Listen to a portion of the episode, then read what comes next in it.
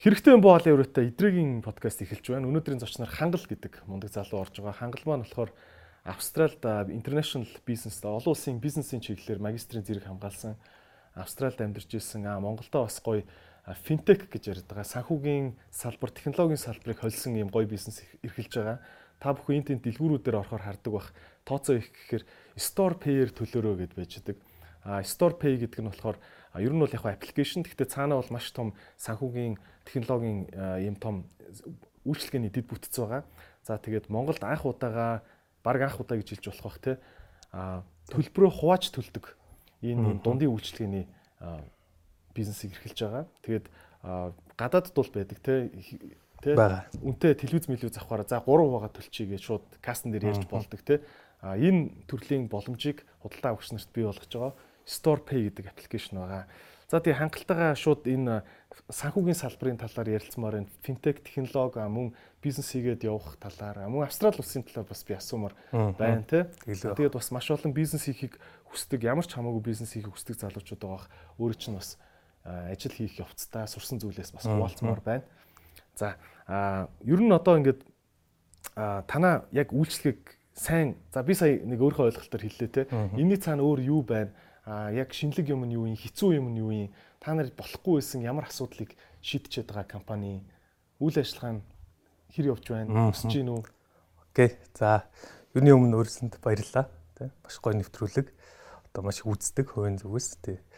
За Storepay э, компани талаар бол ерөнхийдөө а энэ бол яг финтек гэл одоо яриад байгаа тий. Дижитал үйлчилгээч гэдэг юм уу одоо хувьсэл шилжилт хийж ингээд Тэгэхээр энэ одоо яг финтек гэдэг тодорхойлтын одоо бас нэг хамгийн тод жишээ болж болох үз Storepay бол. Тэгэхээр энэ яаж вэ гэхээр одоо financial technology гэд явж байгаа тийм яг санхүүгийн технологи буюу технологи төр суурилсан санхүүгийн үйлчилгээг үзүүлээд тэрнгээрээ хүмүүсийн одоо тэр асуудлуудыг илүү хялбарчилж хүмүүст одоо илүү таатай үйлчлэгийг хүргэхтэй өмнө нь хүндрэл одоо тэр олон процессыг илүү цөөхөн цомтгох гэсэн тийм зорилготой л байгаа бол тэгэхээр StorePay бол ерөөхдөө энэ BNPL гэдэг бизнес модель buy now pay later гэж байгаа. Тэгэхээр энэ дээр бол одоо хэрэглэгчдэд одоо аваад дараа төлөх гэдэг. Яг зөв одоо аваад дараа төлөх гэсэн ерөөхдөө концепт. Тэгэхээр энэ яг анх хаанаас үүссэн бэ гэхээр ерөөхдөө одоо санхүүгийн банк санхүүгийн салбарт одоо хамгийн гол үйлчлэгнүүдийн нэг нь бол одоо кредит карт байдаг тийм. Кредит карт бол одоо 1956 оноос хойш ерөнхийдөө ингээд Америкт анх үүсээд явж исэн. А тэгэхээр энэ дээр болохоор яг энэ бол маш олон жил явсан юм үйлчлэгээ санхүүгийн үйлчлэгээ. А тэгвэл энэ дээр яг нэг буруу зүйл байгаадсан. Энэ нь болохоор яг өөрийнх нь кредит картны концепт буюу тэр модель нь бизнес модель нь. А энэ дээр хүмүүс хэдий ингээд ямар ч кредит картыг хүссэн үедээ ашиглаа л те хүссэн бараа бүтээгдэхүүнээ аваад ингэж байгаа боловч цаана нөгөө санхүүгийн байгууллага дээр нь ашиг орлого олох одоо модель нь арай буруу. А тэр нь хаанаас орж ирдэг вэ гэхээр яг нөгөө нэг хүмүүс яг нэг 30 хоногтоо ч юм уу 45 хоногтоо ингээд илүү мөнгө төлөхгүйгээл явдаг кредит карт. А тэгэнгүүт банк санхүүгийн салбар дээр орж ирдэг гол ашиг орлого нь болохоор яг нэг жоохон хугацаа хэтрүүлээд хүү ч юм уу шимтгэл тооцоолаад ингээд нэмээд мөнгө нэмээд тэрийгэ буцааж төлж байгаа хэрэглэгчдээс гол одоо ашигын маржин тэндээс гарч ирдэг гэсэн. Тэгэхээр нөгөө банк санхүүгийн байгууллагууд маань бол би бол уншиж ирсэн тэгж ярьдаг юм блэ. А яг хугацаанд төлөөд байгаа кредит карт хэрэглэгч нарт бол нэг тийм дуртай биш. Тэр нь бол яг нөгөө нэг таргет маркет биш. А бүр одоо юу гэдэг юм баг жилээр ч юм 10 сараар ч юм уу те ингээд хугацаа хэтрүүлээд торгуул төлөөд торгуул төл а хугацаа хэтрүүлээд тэгээ тэрийгэ төлөхгүй бүр хитрхээ удах байд дэт болох те. Тим хэрэглэгч нарт бас тэмч дуртай биш. А энэний яг голд байгаа одоо sweet spot гэдэг. Яг target market нь тэнд байгаа. Тэр болохоор 3 4 сарын хугацаанд хугацаа хэтрүүлдэг, жоохон хүү шимтгэл төлждөг. А тэгтээ яг найдвартай төлөлтэйг яваад байдаг. Энэ яг sweet spot-оос гол тэр орлого юм нь орж ирдэг. Тэгэхээр энэ нь өөрөө яг тийм эрүүл зэгцтэй систем биш болчиход байгаа. Тэр хүмүүсийн яг нэг хугацаа хэтэрсэн юм дээр угаасаа орлого дийлэнх нь орж ирж байгаа учраас энэ одоо хэрэглэгч талтаа илүү тийм френдли бус тийм ийм болчиход байгаа модель нь. А тэгэхээр энэ одоо манай одоо аваад дараа төл гэдэг үйлчилгээ энэ дээр яг эсэргээрээ бизнес модельтэй гарч ирсэн. Тэр нь болохоор а бид нэр одоо ямар ч хэрэглэгчийг нэгж хоног битээ хугацаа хэтрээсэ гэдэг гол зарчимтай. А хугацаа хэтэр ягаад гэвэл бид нэр хэрэглэгчийн тэр хугацаа хэтэрсэн одоо хүү шимтгэлч гэдэг юм уу те. Тиймэрхүү юмнаас бид нэр ерөөсөө орлого бүрддэггүй. А энэ нь болохоор нөгөө талаа мерчант талаасаа бид нэр тодорхой хэмжээний борлуулалтын шимтгэл авдаг. За энэ дээрээ болохоор мэдээж мерчентүүдэд бид нэр олгож байгаа өгж байгаа давуу тал мерчентүүд нь одоо юма зарж байгаа дэлгүүр тал гэсэн үг шүү дээ. Дэлгүүр тал. Дэлгүүр талд болохоор тэр одоо барааны эргэлтийг сайжруулж байна те.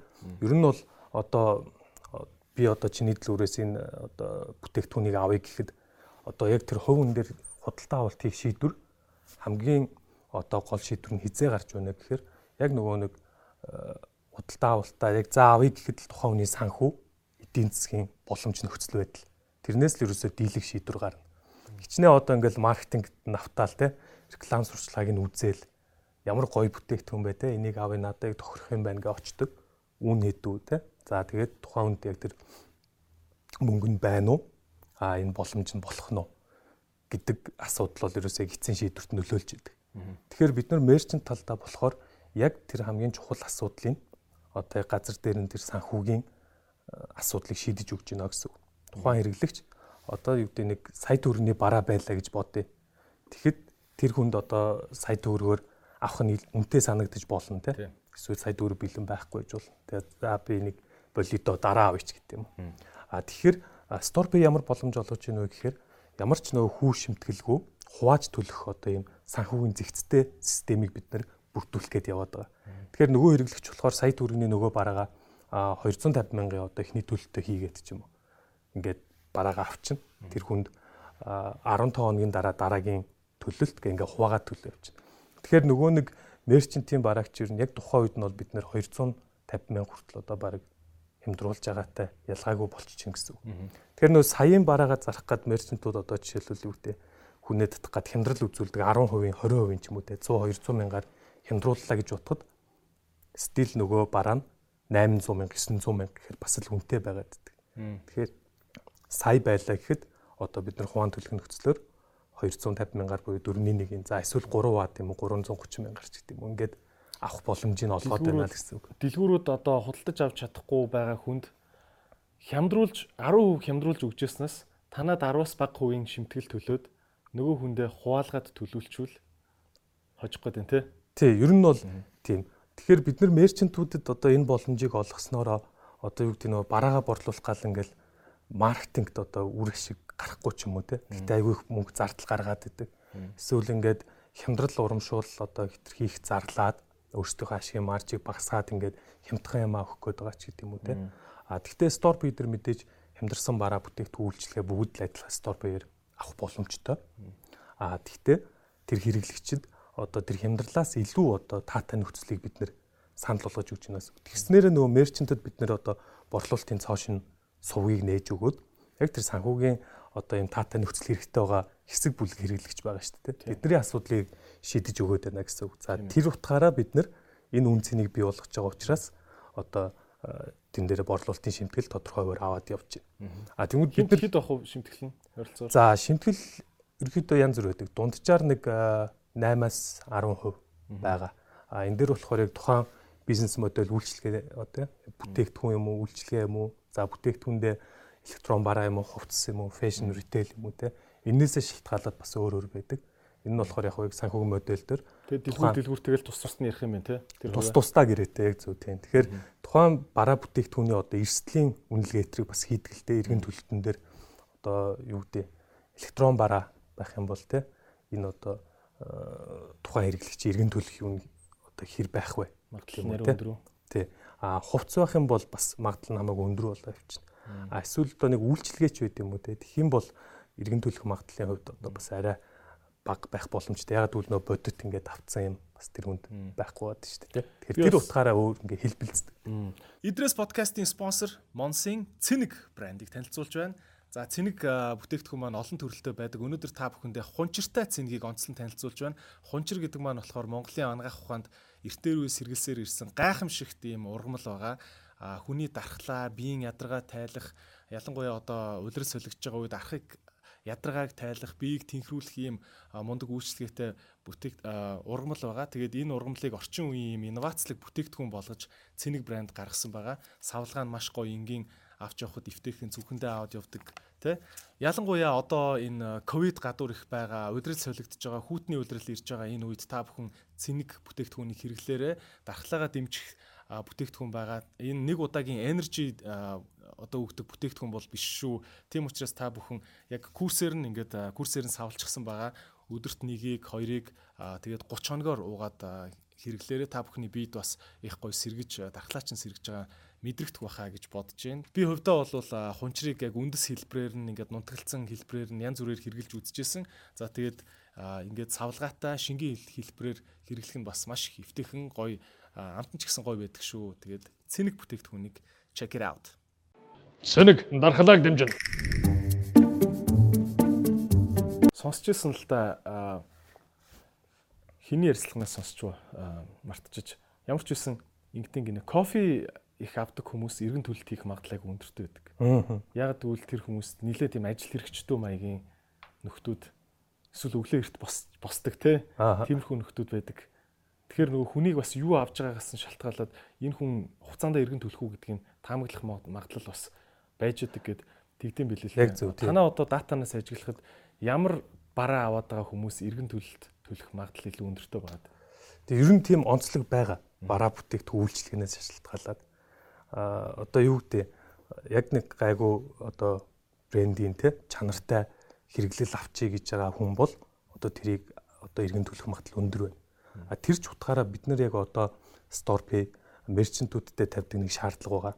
Тэр нь одоо зөвхөн албан ёсны эрхтэй тий Монголд борлуулдаг албан ёсоор франчайзинг эзэмшдэгч гэдэг юм уу эсвэл Монголд дох салбаранч гэдэг юм уу тийм одоо бараа бүтээгдэхүүний одоо чанарын шаардлага хангасан байх хэрэгтэй гэдэг ийм шаардлага тавьдаг. Тэгснээрээ нөгөө нэг тэр бараа бүтээгдэхүүнийг хэрэгжилж байгаа хүмүүс тэндээс одоо сэтгэл ханамжийг авч ийн а тэр утгаараа иргэн төлөх магадлал нь одоо хамаагүй өндөр болчих гэсэн. А тэгэхгүй одоо нэг юу гэдэг арай нэг одоо хуурамч бараа бүтээгдэхүүн ч гэдэг юм уу чанаргүй зүйл авчих юм бол нөгөө хүн одоо тэндээс сэтгэл ханамж дүүрэхгүй те. За тэгэл шал хэрэггүй юм мөнгө өрчлөөч гэдэг юм те. Тийм сэтгэл одоо сэтэл төрөөд байхаар одоо иргэн төлөхтөө одоо бас арай тэнд нөлөөлөх боломжтой. Тэгэхээр яг манай одоо бид нар ингээл харж байхад бол ер нь гоо сайхны бараа бүтээгдэхүүн байна. Эмэгтэйчүүд маш сайн одоо тэр худалдан авалт хийдэг. А тэг эргэн төлөлтөнд ч гэсэн аягүй сайн. Тэгээ ер нь энэ гоо сайхны бараа бүтээгдэхүүн чинь бас ингээд нэг аваад болчдгоо. Бүр яг юм тогтмол зүйл юм байлээ. Тэрийг ажигласан тий. Бид нар бол анх нэг тэгж бодоагүй. А за энэ хувцс тий электрон бараа аягүй сайн гэж борлуулалт өндөртөө байх бах гэж одоо тооцоолж исэн. Тэгэхэд бас тийм яг бодит зах зээл дээр бол бас өөр зүйл ажиглагдчихсэн. Тэр нь а бас энэ дэр А эрэгтэй эмэгтэй хүмүүс дээр бас ялгаа гарч байгаа. Иргэн төлөлтийн хувьд эмэгтэй хүмүүс бол ер нь ялцчихгүй арай хариуцлагатай байгаад байна үү? Хариуцлагатай байна тий. Тэр хүмүүс арайд нэг санхүүгийн сахилга баттай. Энийг заа би яг цаг хугацаанд төлөөд явах ёстой шүү гэд. Ингээ юмаа яг зэгцтэй айгу явд юм байлаа. Аа тэгэхээр эмэгтэй одоо хүмүүсийн иргэн төлөлтийн хувь бол өндөр. Өндөр бахаараа хичнээн өөр ах уу ер нь ойролцоогоор. Ялгаагүй хэмжээнд үү? бүр актер тийм ялгаа бол байхгүй л дээ. Гэтэ тодорхой хуваар ингээд эмхтэй нарай график дээр харахад арай өндөр гараад ирж байгаа. Тэгэхээр л тэр чинь яг нэг тийм ажиглагдчихин гэсэн үг шүү дээ. Ойлгомжтой болчих. Насны хувьд ажиглагдаж байгаа үргэн төлөлт. Аль насныхын илүүс хариуцлагатай төлж байна. За манай стор бай дээр бол ерөөхдөө бид нар яг одоогийн байдлаар 21-с дээш насны хэрэглэгчдийг одоо үйлчлэн ирэх нэх тийм зарчимтай байгаа. А тэгэхээр 21-с ерөнхийдөө 40 нас хүртэлх одоо хамгийн идэвхтэй хэрэглэгчнүүд байна. Тэгэхээр эднэрийн яг уу насны хуваар гэх юм бол мэдээж жоохон арай өсөх тусмаа ер нь илүү чанартай хэрэглэгч байна. А арай одоо дөнгөж 21 22 тэй ч гэдэг юм уу мэдээж тухайн хүний нөгөө санхүүн докторч аагүй орлогын докторч аагүй гэдэг тий янз бүрийн болж байгаа. Тэгэхээр тэрнээс шалтгаалаад бас хуцаа хоцрох ч юм уу юм эргэн төлөлт одоо алдагдах гэсэн тийм бол гарна.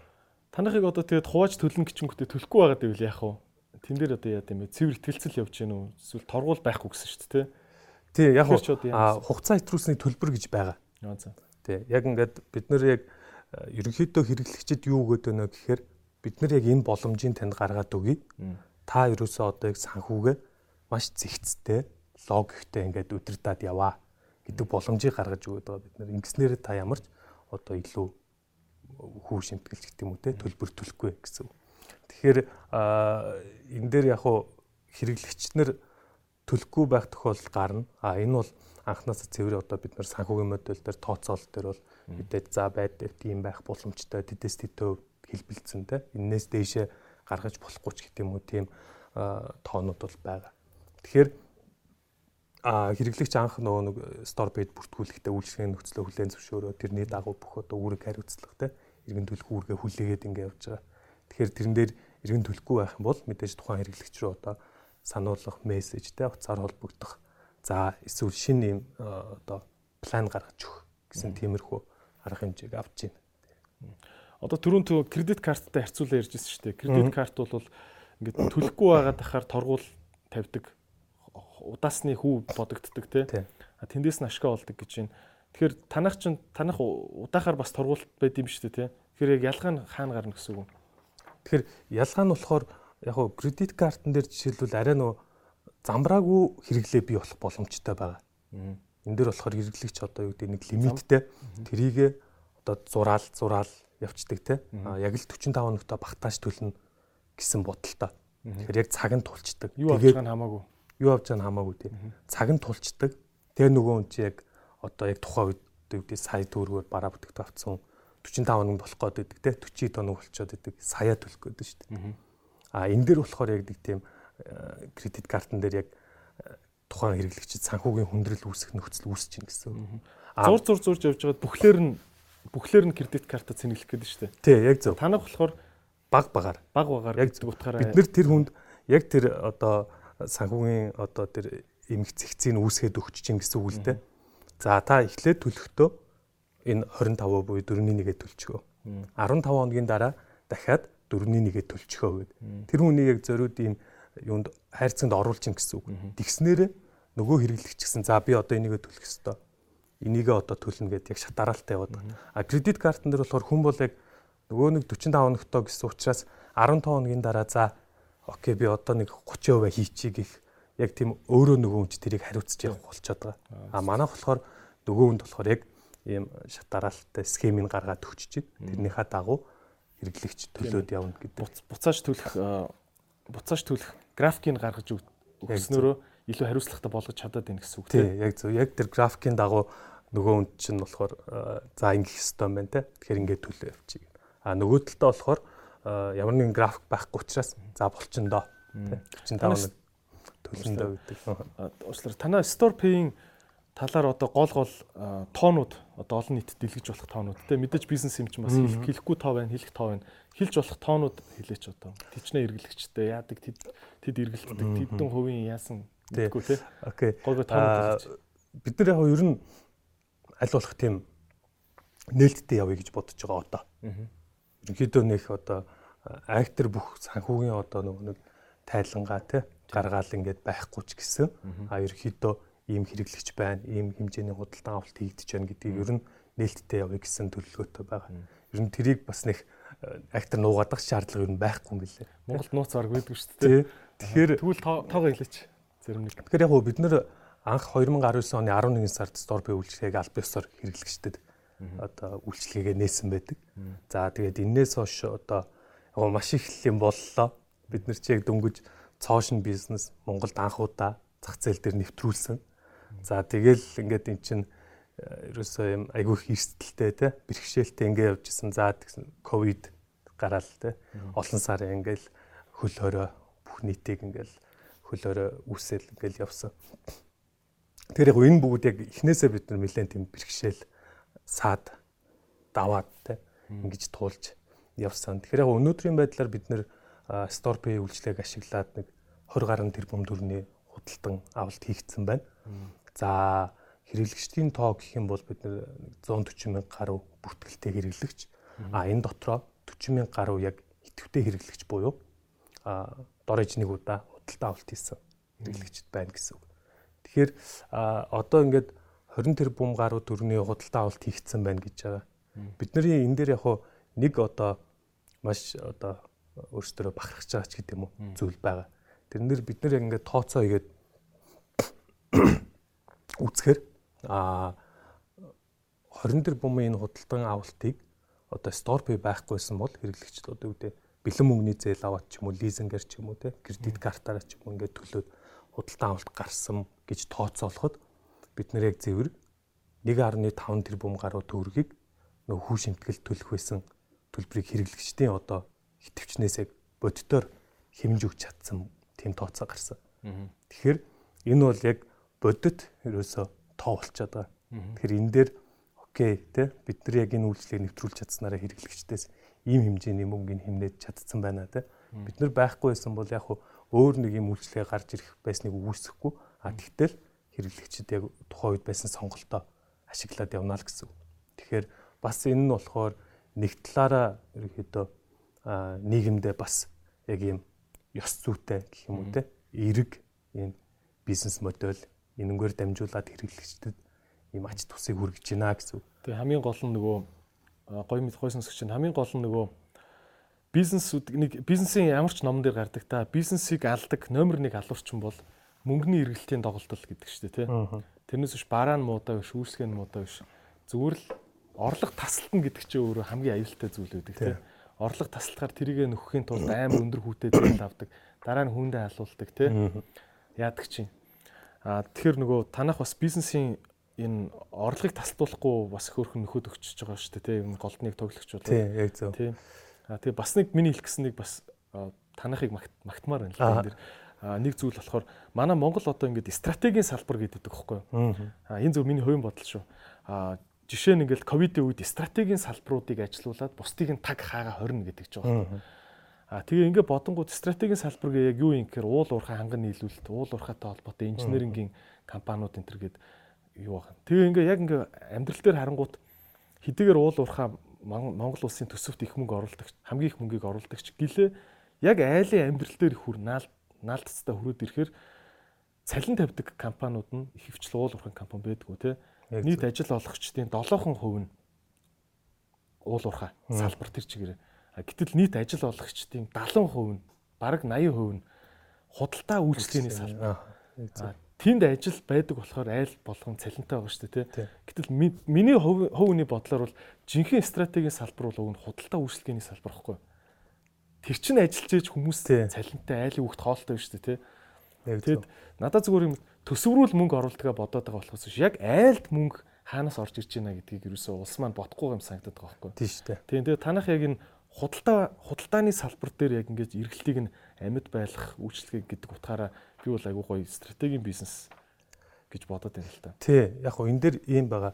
Аа одоо ер нь аливаа улс орны хөгжлөх чадвар ч гэдэг юм уу эдийн засгийн голлох үзүүлэлтүүд дээр одоо иргэдийн худалдаа авах чадвар явж яадаг те. Тэр иргэд нь хэрэг худалдаа авалт хийх чадвартай зах зээлийн эргэлт хэрэг үүсэж байгаа.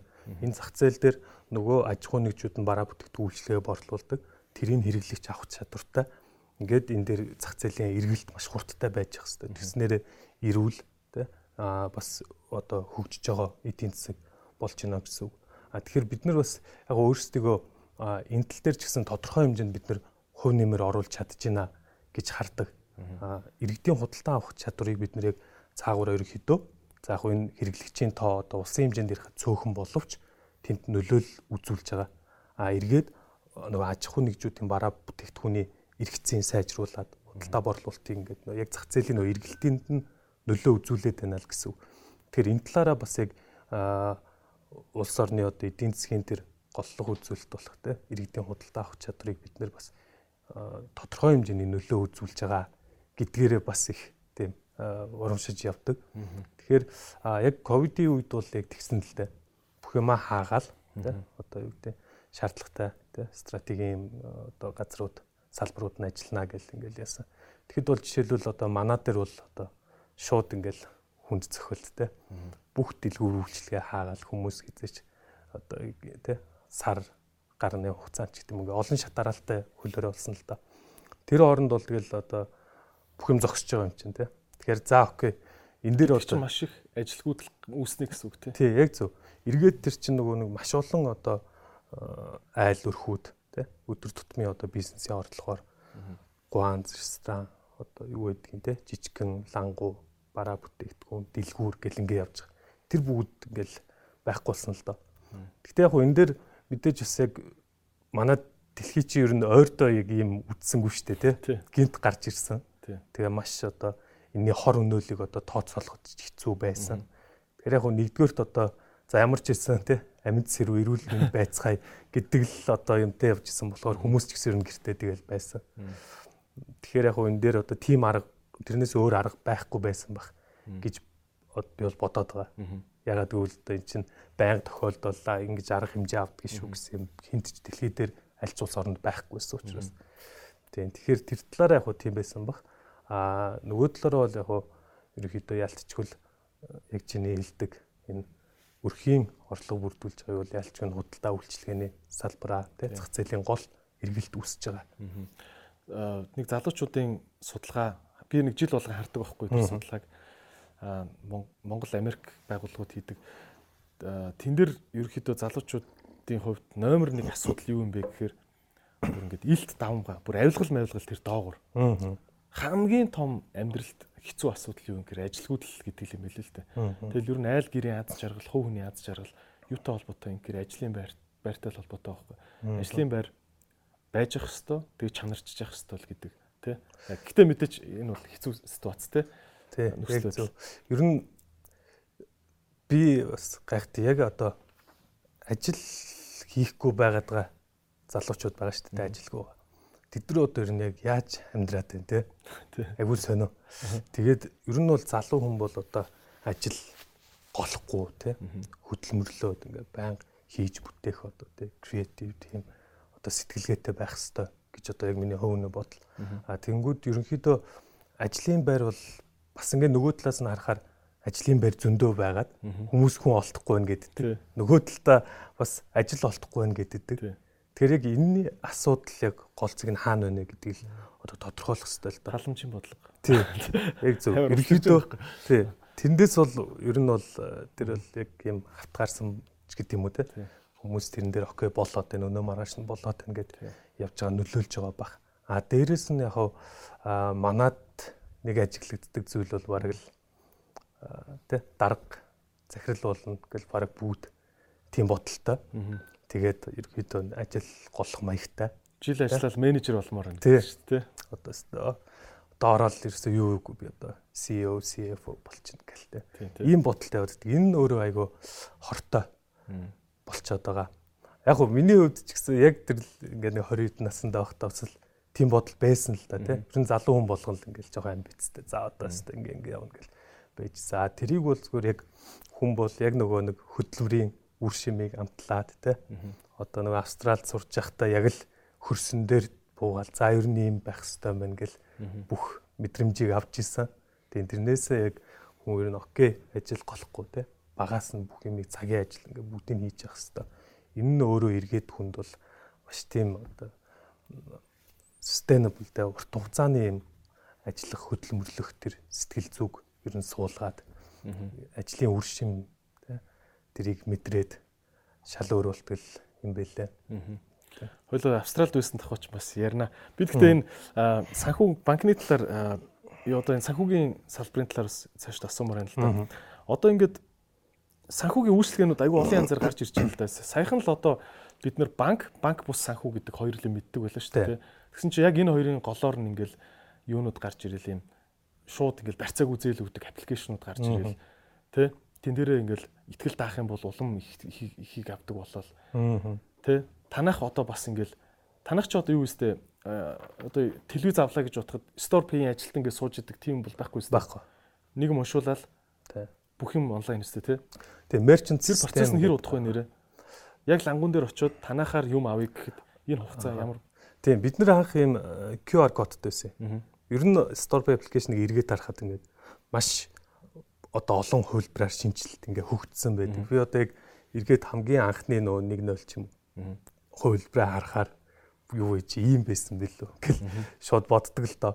Одоо чи ч гэсэн сайн мэдчихэж байгаа танаа тий. Хипокарц ингээл тэр чи айгүй уртан өөрчлөгдөл тий. За окей гэл. Асуудлууд яг хэрэглэгчдэр олон мянган хэрэглэгчд хүрэхээр өөр өөр асуудлууд нь харагдаж эхэлдэг. Тэр бүгдийг тэр тухай бүрд нь дор бүрэн шийдээд үйлчлэгээ сайжруулад явах хэрэгтэй. Тэгэхээр бид нар яг анх бол QR код байршуулад тэрийг ингээд яг уншуулад тий үнийн дүнгээ хэрэглэгч оруулаад ингээд ингээд худалдаа авалт хийдэг байсан. За тэгээ тэр бол ерөөс айгүй болох байсан. Гэт нэг заавал физикл нэг юм тавина. Тэрийг уншуулна.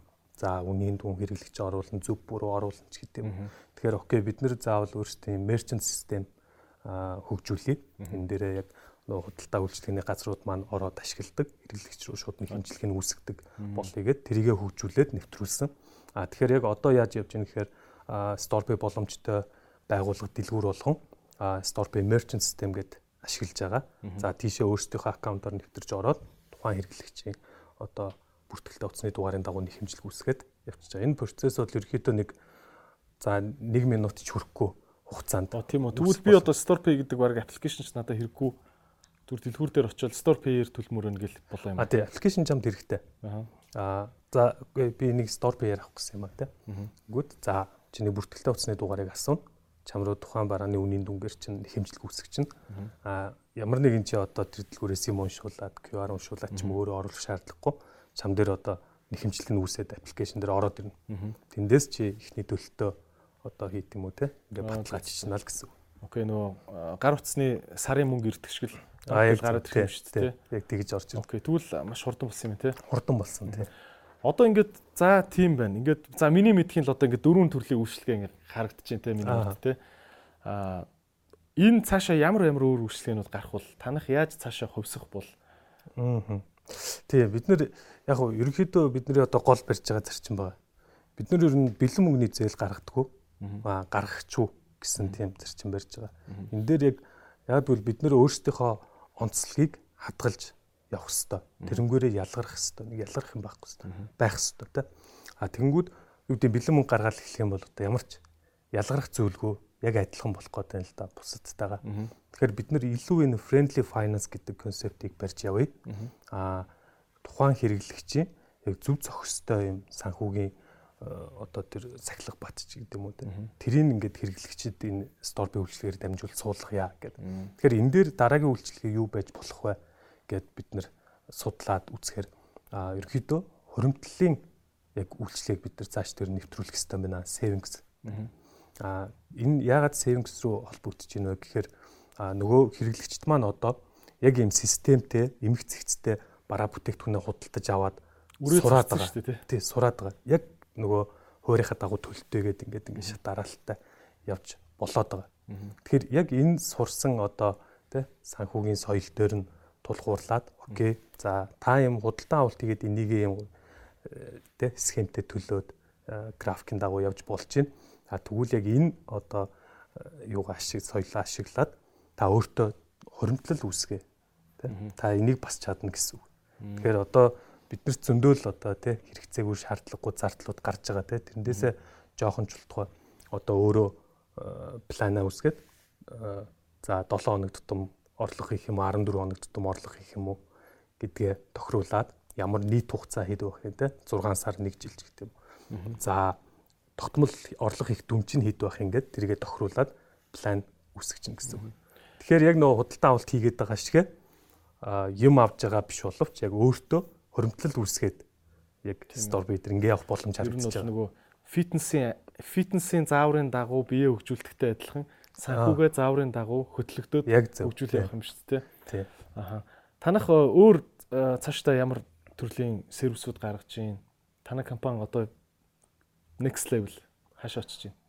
Окей. Тэгэхээр бид нар яг хуу store bee-г анх одоо би үүсгэн байгууллаад ингээл за энэ компаниг нэг те өдөрт ажил болгох юмсан ингээл явж явах та ер нь бол окей нэлээд алсын хараага айгу тэ чөлөөтэй сэтгээд энд хүрэх боломжтой, ингэх боломжтой гэж тавих хэрэгтэй байна гэж бодсон л доо. Тэгэхээр бид нар яг энэ Storepay ижил төстэй үйлчлэгээ жишээлбэл Австралид зөндөө байна, Америкт зөндөө байна, Европт зөндөө байна тэ. Энэ үйлчлэгээ нэвтрээгүй одоо тийм бүс нутаг хаана вэ гэхээр одоо зүүн өмнөд Аз тэ Төв Азийн улсууд ч гэдэг юм уу байгаад байгаа. Тэгэхээр за окей бид нар ерөөсөө цаашдаа ийшээ нэвтрэх ёстой байна. Storepay-г яагаад болохгүй гэж те нэвтрүүлэх гэсэн ийм бодлоготой явах ёстой байна. анх эхэлж исэн. А тэрнийхээ хүрээнд ерөөдөө бид нэр гадаадын одоо хөрөнгө оруулалт те Монголд Монгол руу нөө доллар оруулж ирнэ гэж ярьдаг шүү дээ. Яг тэрэн шиг гадаадын хөрөнгө оруулалт одоо татаж гаднаас мөнгө босгож чадсан анх эхлэхдээ. А тухайн компани нь болохоор одоо Front Cap Asia гэдэг компани байгаа. За ерөөдөө дэлхийд даяар маш олон бас бизнес ингэж. Юу гэдэг компани нэ? Front Cap Asia гэдэг компани байгаа тий. Тэрний одоо дэлхийд даяар маш олон хөрөнгө оруулалт хийдэг. А ихэнхдээ angel investor айгу хийдэг тийм компани. За тэгээд энийг ашиглаад бид нэр одоо тэр компани чинь тухайн зах зээлүүдэд мэддэг тий коннекшнтэй холбоос үлбэ дид бүтцтэй болсон юм компани. Тэгэхээр энийг ашиглаад бид нэр гадны зах зээл рүү стор бийг нэвтрүүлье гэсэн юм ерөн төлөвлөгөөтэй явж байгаа. За энэ төлөвлөгөөний хүрээнд бид нэр 2020 оны 6 сард Сингапур улсад одоо Storby Holding гэдэг толгой компани үүсгэн байгуулсан. За Storby Holding бол яг одоо дараа дараагийн Storby-ийн салбар компаниудын одоо толгой компани тэрийг хоолт хийж явна л гэсэн үг. Тэ. Storby Holding-ыг байгуулсан. За Storby Mongolia болохоор Storby Монгол дахь салбар гэдэг ийм мультинешнл одоо бүтцэд шилжсэн гэсэн үг. За зүүн өмнөд Азийн зах зээлийг хамгийн ихэнд бид нэр онилж одоо таргет маркет болгож байгаа. За энэ дундаа Лаос гэдэг улсыг бол сонгосон. Яг Лаос ерөөсөө зүүн өмнөд Аз дотор бол яг entry level маркет. Тимч том биш. Тимч бас жижиг биш. Монголыг бодвол одоо хоёр дахин их хүн амтай. 7 сая шахуу хүнтэй ийм маркет байгаа. Тэгэхээр ийшээ бид нэр Storby-ийг нэвтрүүлэх боломж байна. Аа гэдэг утгаараа Storby Love бас байгуулад тэндх ерөнхийдөө баг бүрэлдэхүүн бүрдээд ингээд одоогийн байдлаар бол яг шаардлагатай гэрээ хилцээр тий холбогдох зөвшөөрлийн төр авах уу гэдэг энэ судалгааны одоо зохион байгуулалтын ажил дээр явж байгаа гэсэн үг. Nice. Технологийн хувьд ямар шинжилтүүд гарч байна? Одоо компаниуд зүгээр ингээд наана нэг app хамтаад идэг тий цаана бол технологи маш том том юу гэдэг юм shift тий хөдөлгөөнийг хийж штэ тий тэгж байна. Аа сүүлийн үед одоо блокчейн технологи тий маш одоо хурцтай газар авч जैन те. Бараг одоо эн чинь ерөөхдөө бараг л байгууллага болгон л өөрсдийнхөө одоо те криптовалютыг гаргах ч гэдэг юм уу. Ийм юм руу ингээд ороод яваад байгаа. Тэгэхээр бид нэр яг уу яг өнгөрсөн хавраас хойш ерөөхдөө энэ блокчейнийг одоо бид нэр системдээ яаж нэвтрүүлж болох вэ те. Биднэрт ямар үр ашиг гарах вэ гэдгийг ер нь судлаад явж исэн. За тэгэхээр окей бид нэр энэ одоо ийм байдаг store pay дээр store point гэдэг буцаан олголт олгодог. Чи одоо 500 мянгаар худалдан авалт хийлээ. Тэрийг амжилттай төлж дууслаа. Бид нар нөгөө доотлол 1% нь store point гэдэг буцаан олголт өгч байгаа. Store point нь болохоор 1 point 1 төгрөгтэй тэнцсэн. Тэгэхээр ерөнхийдөө 1% буцаан олголт өгч юм гэсэн үг. Тэгэхээр энэ нь болохоор тухайн хэрэглэгчтэй тий поинтоо цуглуулад хүссэн төлөлтөнд ашиглах боломжтой ийм point байгаа. Тэгэхээр нэг утгаараа баг одоо энэ чи ямар ч илүү мөнгө төлөхгүй мөртлөө баг өөрөө юм авч ин хэрч одоо. Чи юм авснараа те хүү аваад байгаа ч юм шиг. Ийм ингэж харагдаж болно гэсэн. Тэ ийм системтэй. А энэ store point-ийг бид нэр ерөөсөө энэ блокчейн технологи буюу те а криптокаренси болох хэвээр байна гэсэн шийдэлд хүрээд одоо энийг өнгөрсөн хавраас хойш ерөөхдөө хөгжүүлээд явж байгаа. За окей, store point-ыг өөрсдийнхөө store pay дээр ашиглагдах токен уулгая. За энийг бас зөвхөн store pay дээр ашиглахаас гадна үнц нь оруулъя. Тэ? Хэрэглэгч тэрийгэ цуглуулад одоо тэ бирж дээр арилжаалаад бэлэн мөнгө болох боломжтой байг. За өшөө тэрийгэ store өгдөг. Тэ би би нөгөө шилжүүлэх боломжтой бай. А өшөө нөгөө store pay дээр үйлчлэгээний эрхэндээ ашигладаг ч гэдэг юм ингээд олон шин давуу талуудыг гаргаж өгье гэсэн тийм төлөлгөө одоо гаргаад а SPC токен гэд ерөнхийдөө нэвтрүүлээд явж байгаа. За энэ дэр хамгийн гол үүсэх давуу тал нь бол бидний яг нөгөө нэг хамгийн төлөлийн зорилго буюу алсын хараа тий а гадны зах зээлүүдэд pay-г нэвтрүүлэх ялангуяа зүүн өмнөд Азийн зах зээл гэж. Тэгэхээр энэ криптовалют блокчейн технологи өөрөө нөө boundary байхгүй те ямар ч хил хязгаар байхгүй хаанаас ч хинч ашиглаж болно гэдэг энэ давуу талыг ашиглаад бид нэр Storby-ийн дараа дараагийн одоо салбар өөр зах зээлүүд дээр нээгдэхэд одоо энэ SBC токен гэдэг нь бол яг дунд нь нэгдмэл байдлаар ашиглагдах боломжтой болчихж байгаа. Тэгэхээр тэнд Laos-д одоо хэрэглэгч худалдан авалт хийгээд SBC буцаа олголт аавна тий SBC-гээр Storby application дээр төлөлтөндөө ашиглаж болно гэдэг ингээ яг л адилхан зарчмаар явна гэсэн. Тэгэхээр хэрвээ энэ технологи боломжгүй байхгүйсэн бол жишээлбэл одоо юу гэдэг Монголд одоо би Storby эрэхтэй Laos-д очлоо ямар ч ашиглах боломж бүрдэхгүй. Тийм. За төлбөрөө төлөйхэд тентхийн банкны одоо банкны те данс гэдэг юм уу тентх тухайн бүс нутгийн одоо currency-гаар төлбөр тооцоо хийн гэл маш их асуудал үүснэ. Тэгэхээр энэ бол ерөөсөө хамгийн том давуу талыг үүсгэж байгаа. Бусад өөр газруудад очлоо. Яг л адилхан худалдаа авалт хийгээд төлбөрөө тэргээрээ төлөө явчих боломж бүрдэж байна л гэсэн үг. Тэгэхээр хил хязгааргүй болгочих шүү дээ тий. Яг зөв тий. Энэ хамгийн гол давуу тал нь энэ дээр л гарч ирж байгаа. Хил хязгаар байхгүй. Блокчейн технологи одоо ганц гой гоо сайхан нэг юм да тий. Ямар нэгэн дундын юмар баталгаажуулж ямар нэгэн байгууллага тэрийг лицензжүүлж тэгжээж нэг юм уу хоёр орны иргэд хоорондоо итгэдэг тийм юм байхгүй болгоо ичиж байгаа юм тий. Яг зөв. Тий. Монголд байгаа энд үүсэж байгаа танай Store Pay-ийн нэг токенд Laos-д ямар ч асуудалгүйгээр итгэж болно гэдэг юм. Итгэлцлийг өөрөө бий болгохтойгоор блокчейн агуу гэж би боддог шүү дээ. Гайхалтай тий. Decentralized гэж ярьж байгаа тий. Энэ бол ер нь цаашдаа ер нь одоо энэ санхүү эдийн засгийн хөгжлийн чиг хандлага бол яг энийг барьж явах нь бол ер нь тодорхой болсон гэж миний хувьд бодож байгаа. Тэ маш том том одоо giant компаниуд бүгд ийшээ хөрөнгө оруулалт хийж байна. Тэ өөрсдийнхөө одоо нийт asset-ийн тодорхой хувийг заавал одоо криптоор шилжүүлээд ингээд хоолд ийдэг болсон байгаа. Тэгэхээр эдгээр том компаниуд бол тэ бүхэл бүтэн баг тэ бүхэл бүтэн департамент ажиллаж байгаа шүү дээ. Тэрэн дээр тэр тэд нар бол маш сайн судалгаа хийж байгаа. Хаашаа явах нь уу. Тэр бид нар одоо жишээлбэл тэрийг дагахад бол нэх буруутахгүй бах гэсэн бодолтой тэ. Үүдээ худалдаа борлуулалт, банк санхүү тэ, логистик, эрүүл мэнд одоо төрийн мэдээлэл тэ, хувийн мэдээлж гэдэг юм бүх салбар дээр ингээ ашиглах боломжтой. Бүх одоо шат дараалал тэр процессыг одоо маш бага хэмжээнд тэ цаг хугацаа орон зайны хувьд одоо бүгдийн асуудлыг нэг дор шийдэх боломжтой юм технологи болчиход байгаа. Тэгэхээр яг одоо ингээл маш олон ийм Монголд гэхэд ингээл токен coin гэл гарч байна. А энэ бүгд бол яг хөө зарим нь бол яг тэдний нөгөө төсөөлж байгаа бодож байгаа юм боломжтой. А зарим нь бол яг нөгөө зах зээлийн одоо хуулиарч гэдэг юм уу шахагдаад боломжгүй болох юмнууд байгаа бах. Тэгэхээр гол одоо хэрэглэгчдийн анхаарах зүйл нь бол маш сайн судлах хэрэгтэй те.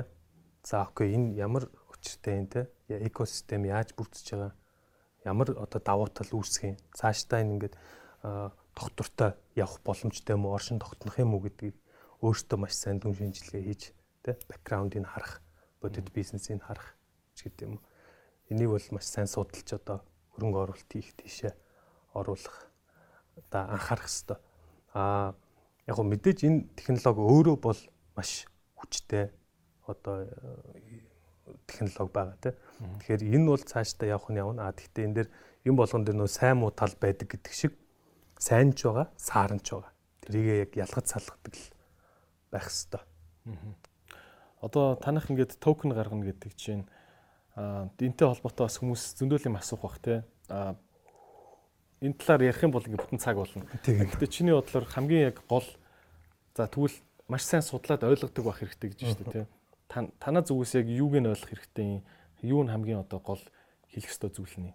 Тэгэхээр яг уу Storepay болохоор өөрөө анханасаа энэ яг санхүүгийн төлбөр тооцооны чиглэлийн дэд бүтцийг бид нэр бий болгоцсон байгаа. 1000 гаруй одоо боломж Storepay ажиллах боломжтой салбар дэлгүүр үйлчлэхний газар байна. А 140 мянга гаруй хэрэглэгч байна. Бодиттой одоо өдөр болгон хийгддэг тогтмол худалдан авалт байна. Тэгэхээр энэ өөрөө бид нар яг суурэ тавьсан байна гэсэн үг. Суур тавигдаад хүмүүсийн танил болоод одоо олон тооны loyal customerтай болоод тэ ингээд явж байгаа. энэ дээрээ бид нэр яг энэ SPC-г одоо криптовалютыг сүрлүүлж өгснөөрөө а энэ криптовалют маань өөрөө одоо яг дэд бүтцээр суурлаад бодитоор ингээд ажиллагаанд орох боломжтой гэсэн үг. Тий. Тэгэхээр худалдан авалт Storby ашиглаж хийлээ. Буцаан олголт урамшууллыг SPC-гээр авч байна. За эсвэл өөрийнхөө одоо хөрөнгө оруулсан худалдаад авсан SPC токен одоо Storby аппликейшныхаа wallet руу шилжүүлээд тэр нь тэгээ тэнцэх үнийн дүнгээр одоо Storby үйлчлэгээний эрхээ яг тэнцүү байдлаар нээчиж болж ин гэдэг юм те. Одоо юу гэвэл би нэг 5 сая төгрөгөөр SPC токен авсан байлаа. А тэрийгээ Storby wallet руугаа би одоо хоолт хийх гээд ч юм уу те оруулчлаа шүү дээ. А тэгэх юм бол Storby дээр яг 5 сая төгрөгийн Storby ажил үйлчлэгээний эрх бас нээж өгч гин гэсэн үг. Тэгэхээр энийг нэг бодит бас үн цэнийг бий болгож байна. А дээрэс нь бодит хэрэглээг бий болгож байна. Storby application дээр худалдан авалт хийсэн бараа бүтээгдэхүүний одоо үнийг те Storby application дээр SPC-гээр ашиглаад одоо хийчих боломжтой гэсэн үг. Тэгэхээр бас яг нэг бодит бид нар яг нөгөө нэг түрүүний ярьсан зах зээлийн эргэлт юмд нөлөөлөд явж байгаа гэдэг те. Тэгэхээр энэ дээр бодитоор бас суурилсан юм онцлогтой болж гинэ гэж ойлгож байна. Идрес подкастын спонсор Monsin Цэник брендийг танилцуулж байна. За цэник бүтээгдэхүүн маань олон төрөлтэй байдаг. Өнөөдөр та бүхэндээ хунчиртай цэнигийг онцлон танилцуулж байна. Хунчир гэдэг маань болохоор Монголын анагаах ухаанд эртээр үе сэргэлсээр ирсэн гайхамшигт ийм ургамал байгаа. А хүний дархлаа, биеийн ядаргаа тайлах, ялангуяа одоо улирал солигдож байгаа үед архыг ядаргааг тайлах, биеийг тэнхрүүлэх ийм мундаг үйлчлэгээтэй бүтээгт ургамал байгаа. Тэгээд энэ ургамлыг орчин үеийн ийм инновацлог бүтээгдэхүүн болгож цэник брэнд гаргасан байгаа. Савлгаа нь маш гоё энгийн авч явахад эвтэйхэн зүрхэндээ аваад явдаг тий. Ялангуяа одоо энэ ковид гадуур их байгаа, удирдал солигдож байгаа, хүүтний удирдал ирж байгаа энэ үед та бүхэн цэник бүтээгдэхүүнийг хэрэглээрээ дархлаагаа дэмжих бүтээгдэхүүн байгаа. Энэ нэг удаагийн energy одоо өгдөг бүтээгдэхүүн бол биш шүү. Тийм учраас та бүхэн яг курсээр нь ингээд курсээр нь савлчихсан байгаа. Өдөрт нэгийг, хоёрыг тэгээд 30 хоногоор уугаад хэрэглээрээ та бүхний биед бас их гоё сэргэж дархлаач нь сэргэж байгаа мэдрэгдэх байхаа гэж бодож байна. Би хувьдаа бол хунчрыг яг үндэс хэлбрээр нь ингээд нунтгалцсан хэлбрээр нь янз бүрээр хэрэгжилж үзэжсэн. За тэгээд ингээд савлгаатай шингийн хэлбрээр хэрэглэх нь бас маш их эвтэйхэн гоё амтан ч гэсэн гоё байдаг шүү. Тэгээд цэник бүтээгдэхүүнийг check it out. За салбарын талаар ярилцахад а Монголын бас гадагшаа гарах одоо дэлхийд гарах одоо дэлхийд гарцсан ганц салбар гэвэл яг үндэ тэгэл уул уурхаа ноолор хоёр л шүү дээ тий. Аа ноолорч бас бүрэн гарч амжаагүй л яваалгаа тий. А дараагийн хамгийн том одоо гаднаас жинхэнэ нөгөө эх орондоо доллар оруулж ирнэ гэдэг салбар бол одоо энэ финтек тий. Ялангуяа одоо энэ технологийн салбар байгаа тий. А тэр дундаа финтек бас технологийн салбар дундаасаа илүү цойлж байгаа харагдаж байна л да тий. Тэг яг гадагшаа гарна гэдэгтээ одоо гадагшаа гараад амжилтаа явна гэдэгтээ хэр ихтэй байна тий. Одоо гадны компаниуд байгаа шүү дээ тий. Одоо Amazon байна, PayPal те ингээл Alipay гэл ингээл амар амар компаниуд гадаа чи ингээл махчин акулууд хүлээж байгаа шүү дээ. А тэнд нөхсөв болдох болоо ямар хуу тактиктай байна. Аха. Лаосос өөр ямар орнуудыг бодож байна? Ер нь ийм байгаа. Одоо бидний энэ барьж авсан BNPL гэдэг бизнес модель те.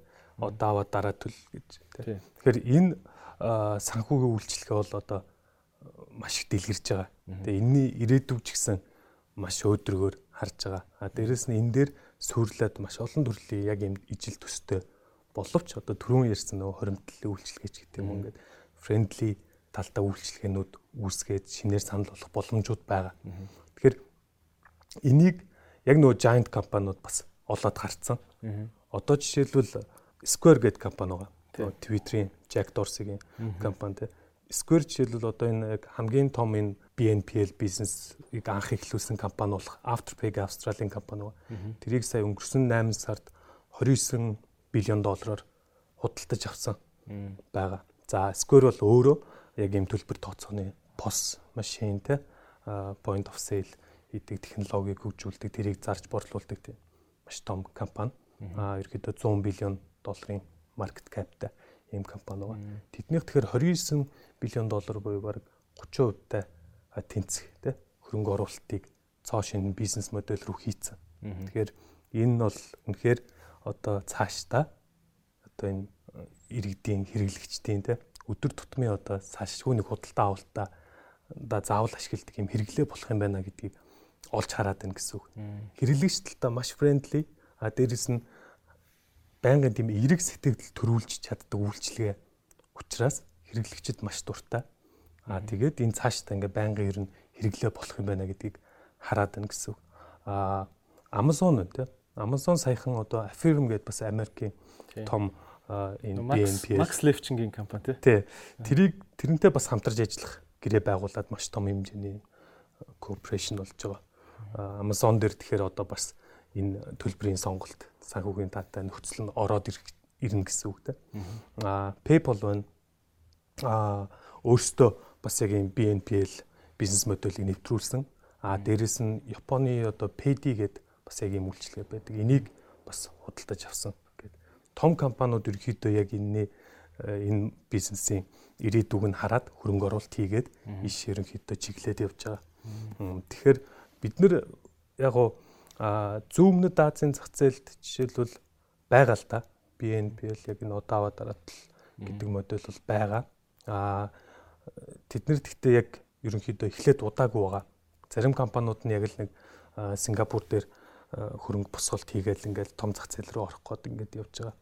Аа бид нар яагаад энэ дээр одоо Монголоос тий ингээд ийшээ нэвтэрч чаднаа гэдэгтээ ихтэй нийтлөө зориод байна гэхээр бид нар нөгөө нэг анх яг нэг алсын хараанда тохируулаад ч гэдэг юм уу. Гаднаас хөрөнгө оруулалт татаад тэр бүтцийг ашиглаад бид нар яг тэнд нэвтрэх боломж бол харагдаад байгаа.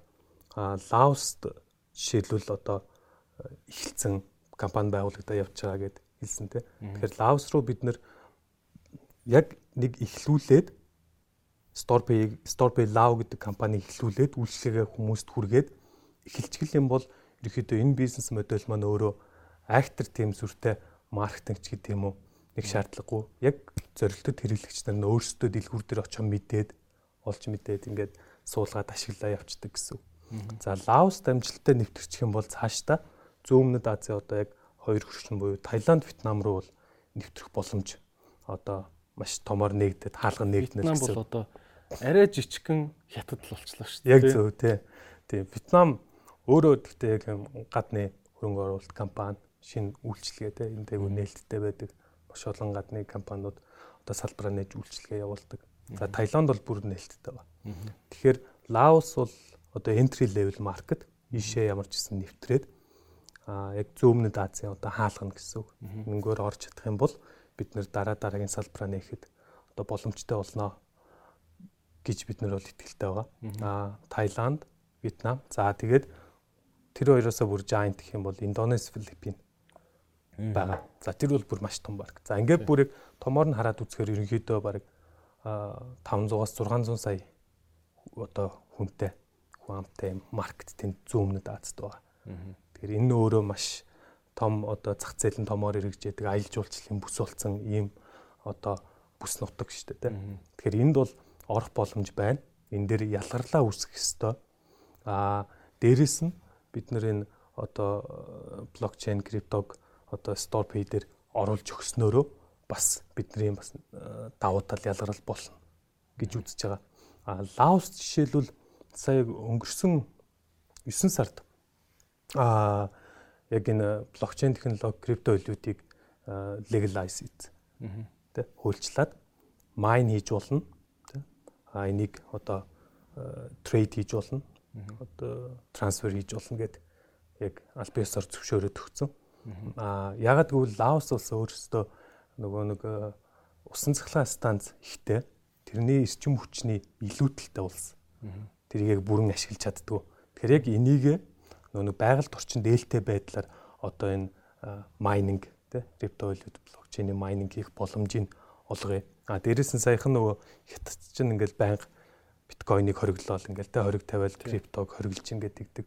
Тэгэнгүүт маш олон хятадаас одоо гарах тэр майнинг хийдэг компаниудыг майнеруудыг өөрсдрүүгөө оруулж ирэх хоёр сороод авчлаа шүү дээ бүгд тийм яг сороод авчаа. Тэгэхээр Лаос ус тэндээс авах аа ерөөдөө Лаос өөр аялал жуулчлалаас маш их хэмжээний ашиг орлого те орж ирдэг улс. А тэгэнгүүт тэр нь сая ковидоос болоод маш их тасалдсан. Тэрнийхээ шарахыг нөхөх зорилгоор окей энэ хятадаас орж ирэх одоо тэр биткойн майнуудыг Лаос руу авчирээ. А тэгтээ тог нь байна тий. Хамгийн гол нь байгаль орчин дээлтэй байдлаар энэ илүүдл ашиглахгүй байгаа тог ашиглуулад энэ одоо зах зээлээс бас улс орондоо хувь нэмэр одоо ашиг орлогоо нөхөё гэдэг ийм тактик барьж явж байгаа. Манай улс уг нь одоо говьдоо өстө мангар том нарны цахилгаан станц тавьж аваад хоёр том биткойны уурхаа оруулаад ирчихэд бол зүр тийш үү. Хангалуун өндөрнөөс тий. Уг нь бол тий. Боломж тий. Тэг уг нь боломж нь байгаа тий. Тэндээс одоо улс орон бол маш алдчихлаа л та. Тий. Ашиг хүртэх боломж байгаа тий. Одоо юу гэдэг татвар гэл ингээл ягч тэр чи өөрөө маш том одоо майнууд чинь тий. Өдөрт хэдэн сая доллартай тэмцэх хэмжээний одоо ашиг орлого олж тэндээс татврыг аваад байгаль орчингоо ээлтэй байдлаар байх хэрэгтэй хамгийн гол нь тэгэхэд говьд тэр нөхцөл нь бүрэн байж гэн тий. Байж гэн тий. Хүүтэн болоод хөрүүл хөрн тий Нар нь байнга байдгүй те. Маа Монгол шиг жилийн баг 360 хоногийнхан хэдийн үсрээд 20 л бороотой байгаа шүү дээ. Байгалийн кулер бүр баг байгаа гэдэг бодвол. Тэг яг зөв. Одоо тэгэл нөгөө нэг сервер дээр ажиллаж байгаа компьютер процессыг кулер хэрэгтэй байдаг те. Тэгэхээр тэр нь баг байглаас одоо шийдлээс хүрэх боломжтой те. Тэгэхээр тэрийг одоо бас яг үнэхээр одоо төр зэсэг юу гэдэг энийг маш сайн тооцоолоод юм бол болохгүй зүйл бол биш. Болох боломжтой. Одоо уг нь бол бас хоцрог байгаа шүү дээ. Одоо энэ криптогийн зах зээл чинь бол дэлхий дээр одоо эхлээд 7 жил болсон юм шиг боловч бас дөнгөж бас эхлэлтээр явж байгаа шүү дээ тий. Тэгж जैन. Хоцрог байгаа. Тий. Тэнгүүд ингээ актер улсууд жишээлбэл тий. Лавс ч гэдэг юм уу жижигхэн газар шүү дээ. Гэс энэ боломжийг олж хараад окей айлж уулчлаас тий. Ийм хэмжээний одоо орлого тасалдаад энийг ингэж нөхөх боломж байна. Тэн дээр нэг одоо жишээлбэл нэг баг судлал ажиллаж байгаа хэл та тий бүх хууль эрх зүйн орчны хүрээнд судалгаа хийгээл тэгэл окей болж ийн инги гэл гэлс оруулаад ирж хөтөр чи одоо маш их одоо бас эдийн засгийн үр нөлөөг үзүүлнэ л гэсэн үг. Тийм шүү дээ. Тэгэхээр манайх хүртэл одоо тэгэл лавс руу нэвтрүүлэхэд яг орчин бүр таатаа болоод ирж байна л гэсэн үг. Тэн дээр SPC-г ашиглуулах та. Аа бид нар яг нөгөө нэг буцаан олголтод олгоод байгаа SPC-гээ бас майн хийх боломж гэж ер нь тодорхойлж байгаа. Худалдан авалт хийлээ. SPC токеныг майн хийгээд шүү дээ. Нөгөө аваад. А тэгтээ өөртөө хэрэгцээтэй зүйлдээ ашиглаж худалдан авалт хийж байгаа. А тэр нь нөгөө талдаа бас биднэрт бас яг нөгөө ашиг орлого яг нэмэгдүүлж байна. Сторбийн худалдаа борлуулалтыг нэмэгдүүлж байна. Тэрэн дээр нь буцаагаад урамшуул ревордыг өгч байна л гэсэн. Тэр яг бид нар нөгөө үнгүй юм өгөөд байгаа биш. А яг бидний өгж байгаа юм эргээд биднэрт яг нөгөө илүү үр дүнг авчирж өгч явах хэрэгтэй те ашиг үр нөлөөг. Тэгэхээр тэр утгаараа а худалдан авалт борлуулалт нэмэгдэж байна. Тэн дээр нь store base буцаан олголт урамшууллыг өгж байна. За энэ нь эргээд одоо ерөөдөө энэ SPC токны экосистемд яг бүртгэх нөхцөлийг үүсгэж өгч байна л гэсэн үг. Store base худалдан авалт хийгдээд хэрэглэгчдийн тоо өсөөд те илүү түгээмэл хэрэглээ болоод хэрэглэгч нар нөгөө буцаан олголт урамшууллаа аваад ингээд явах тусам тухайн SPC-ийн үнцэн ч гэдэг юм уу store pay-ийн үнцэн үнэлгээ өсөөд дагаад яг шууд харилцаатайгаар ингээд явах боломжтой. Хамтдаа өсөд явна гэж байна тий. Уяатай явна л гэсэн. Одоо за цаг хугацааны үед ер нь танах ямар хөө харж байгаа вэ? Ер нь маш олон компаниуд ингээл манах гадагшаага гарна. Ингээл тэр процесс өөрөө нэг судалж ийн гээл жил, бичиг цаасаа бэлж ийн гээл жил. За партнераа хайж ийн гээл жил ингээл болдог штэ тий. Танах хэр яаруу явж байна? Аа бид нэр яг уу э, нөгөө нэг л давуу тал бид нар дээр гарч ирээд байгаа юм л да. Нөгөө Front Cap Asia гэдэг компанитай хамтарч ажиллаж хөрөнгө оруулалт татсан гэдэг. А энэ бол бүх юмыг айгуу дочлоод өгчөж байгаа. Бид нар зүгээр л энд нэг стартап Монголд үүсэл за гадагшаа гарна гэл явах юм бол өөрөө бараг л ер нь мөрөөдөл те тэнд очоод за хууль эрх зүйн хин судалгыг те за тухайн орон нутгийн хүнийг олно тий тэрийг өдөртөн зохион байгуулах ингээл маш олон асуудал тулгарна. А тэнгууд нөгөө нэг яг түншлэлийнхаа хүрээнд бол бид нар энийг маш сайхан довчлоод илүү бодиттой боломжтой болоод ирж байгаа. Тэгэхээр ерөөхдөө яарад байх шаардлага бол угаасаа байгаагүй. А яг л процесс явдгаараа яваад бид нэр 22 оны 4 сар гэхэд ерөнхийдөө энэ Storby Love-ийн үйл ажиллагааг эхлүүлнэ гэсэн төлөвлөгөөтэй. Шинэ жилийн дараа 4 сард гэсэн үг шүү дээ. 4 сард 22 оны 4 сар. Тэгэхээр айгүй их сонсогч чинь тий. Тэгсэн чинь яг тулаа ирсэн байна. Тулаад ирсэн тий. Тэгээд Лаос бол жишээлбэл одоо дэд бүтцийн хувьд ч гэх юм уу те. Монголоос одоо хамаагүй илүү байхгүй. За маш бол хурдны замтай те. Ингээл нөө давхар замнууд ингээл бүгд байж идэг. Бид нар чинь гэхдээ Лаос орныг сайн мэддэггүй шүү дээ. Лаос гэхэр л нэг юм нэг юм хідэн хідэн лам нарт лам нар ингээл буддийн сүм те нэг юм мөргөл үлдсэн нэг тийм джунглтай газар л гэж боддог шүү дээ. Ерөнхийдөө тиймэрхүү. Ерөнхийдөө тиймэрхүү. А гэхдээ Монголтой одоо нөгөө GDP ч гэдэг юм айгүй ойролцоо. А ерөнхийдөө аялал жуулчлалын бүс нутаг. А дээрэс нь landlocked те нэг нөгөө Вьетнам, Таиланд, Камбож ингээд дунд нь байж идэг. А эдийн засгийн хувьд ч гэсэн ойролцоо. Газар тариалан бас их том одоо эдийн засгийн салбар нь. Тэгтээ тэнд одоо моолууд байна те дэлгүүрүүд байна хүмүүс худалдаа үйлчлэгээ явж байна тэрнгээрээ бол бүхэл одоо боломж нь байгаа а одоо ялангуяа саяын өөрчлөлттэй блокчейнийг зөвшөөрсөн криптог зөвшөөрсөн өөрчлөлтүүдээр дагаад технологи бол бүр хурцтай нэвтрээд хөгжих баха гэж харж байгаа. Таны одоо хөрөнгө оруулагч компани гэдэг чинь те миний ойлгож байгаагаар одоо нэг л хөрөнгө оруулагч компани байгаа юу эсвэл юм олон оролцогч нар байна уу? Таны компани бүтц юу нь яаж явж байна? яг өөрөө ингээд компаниг удирдах явхад ямар асуудлууд гарч ийн те ямар том даваанууд байна хөрөнгө оруулагч чинь чамаас одоо юуг шаардж ийн те ямар шаардлагыг биелүүлж хамтарч ажиллахад хүндрэлтэй байна. Аа нэг компани л байгаа. Frontgate Asia гэдэг компани. Өөрөө хөрөнгө оруулалт хийдэг. Аа энэ дээр яг анх нөө хөрөнгө оруулалтаа татхад бас нэлээд хатууч юм уу шаардлага тавьжсэн л да. Нөө мөнгө Тэ тэр бизнесийг босгох мөнгө хэрэгтэй хөрөнгө оруулалт татах хэрэгтэй байгаа мөртлөө. За энэ дээр тэ ерөөдөө менежмент өдөр тутмын үйл ажиллагаа энэ дээр бол ерөөсөө за баярлалаа. А оролцуулах хүсэл алгаа тэ бидний энэ бүх менежмент юма хийгээд явна. Өдөр тутмын үйл ажиллагаанд оролцохгүй гэдэг ерөнхийдөө тийм шаардлагатай анх хөрөнгө оруулалтын гэрээ байгуулжсэн. Тэр ч утгаараа бид нар бол яг л Монголд өдөр тутмын үйл ажиллагаа юм бол өөрсдөө одоо яг шийдвэрээ гаргаад тий чиг зүг чигээ тодорхойлоод ингээ явж байгаа гэсэн үг. Аа яг стратегийн одоо жишээлбэл юу гэдэг хизээ бид нэр IPO хийх юм, тэрийг хизээ төлөвлөх юм. Энэ бүгд дээр бол хамтдаа ярилцаад явдаг. Аа тухайн компани chairman болохоор бас маш туршлагатай ийм банкер хүн байдаг. Хөрөнгө оруулалтын мэрэгжилдэг маш мэдрэмжтэй хөрөнгө оруулалт хийдэг. Angel invest гэдэг. А тэрнгээрээ одоо э, angel invest хийн гэдэг чинь ер нь бол хөрөнгөө хэд ч дахин үржүүлж ашиг шимийг хүртэх боломж тий. А зүгээр нэг бизнес дээр одоо мөнгө оруулаад явлаа гэхэд тэр бизнесийн маржаар л явна. А тэгэхэд angel investor хийгээд явхад бол үнэхээр яг нүдэ олсон бизнес рүү хийчих юм бол тэр компани үнэлгээ бид хэрэгж ярьж шүү дээ. Ингэж өсөх боломжтой. Тэгэхээр манайдар бол жишээлбэл тухайн компани бол одоос 30-аас 35 орчим үржүүлсэн л явж байгаа байхгүй. Тэ? Оруулсан өрөнгөө тэ? Оруулсан өрөнгөө. Тэгэхээр маш амжилттай өрөнгө оруулалт хийгээд байна. А тэр утгаараа тэднээс гарч байгаа бас стратеги тактик. За окей. Лаос руу хэдүүлээ ингээ. За Лаосыг амжилттай нэвтрүүлвэл Таиланд, Вьетнам руу оруулъя. За Таиланд, Вьетнам руу оруулахын өмнө бид нэр Storby Holding дээр Сингапурт IPO хийх ёстой. Тэгжээж тэр том маркетууд руу орох одоо хөрөнгө мөнгөө тэндээс босгоно гэсэн ингээд стратегийн төлөвлөгөөнүүдийг бол дандаа ярилцаж шийдвэр гаргаж явж байгаа.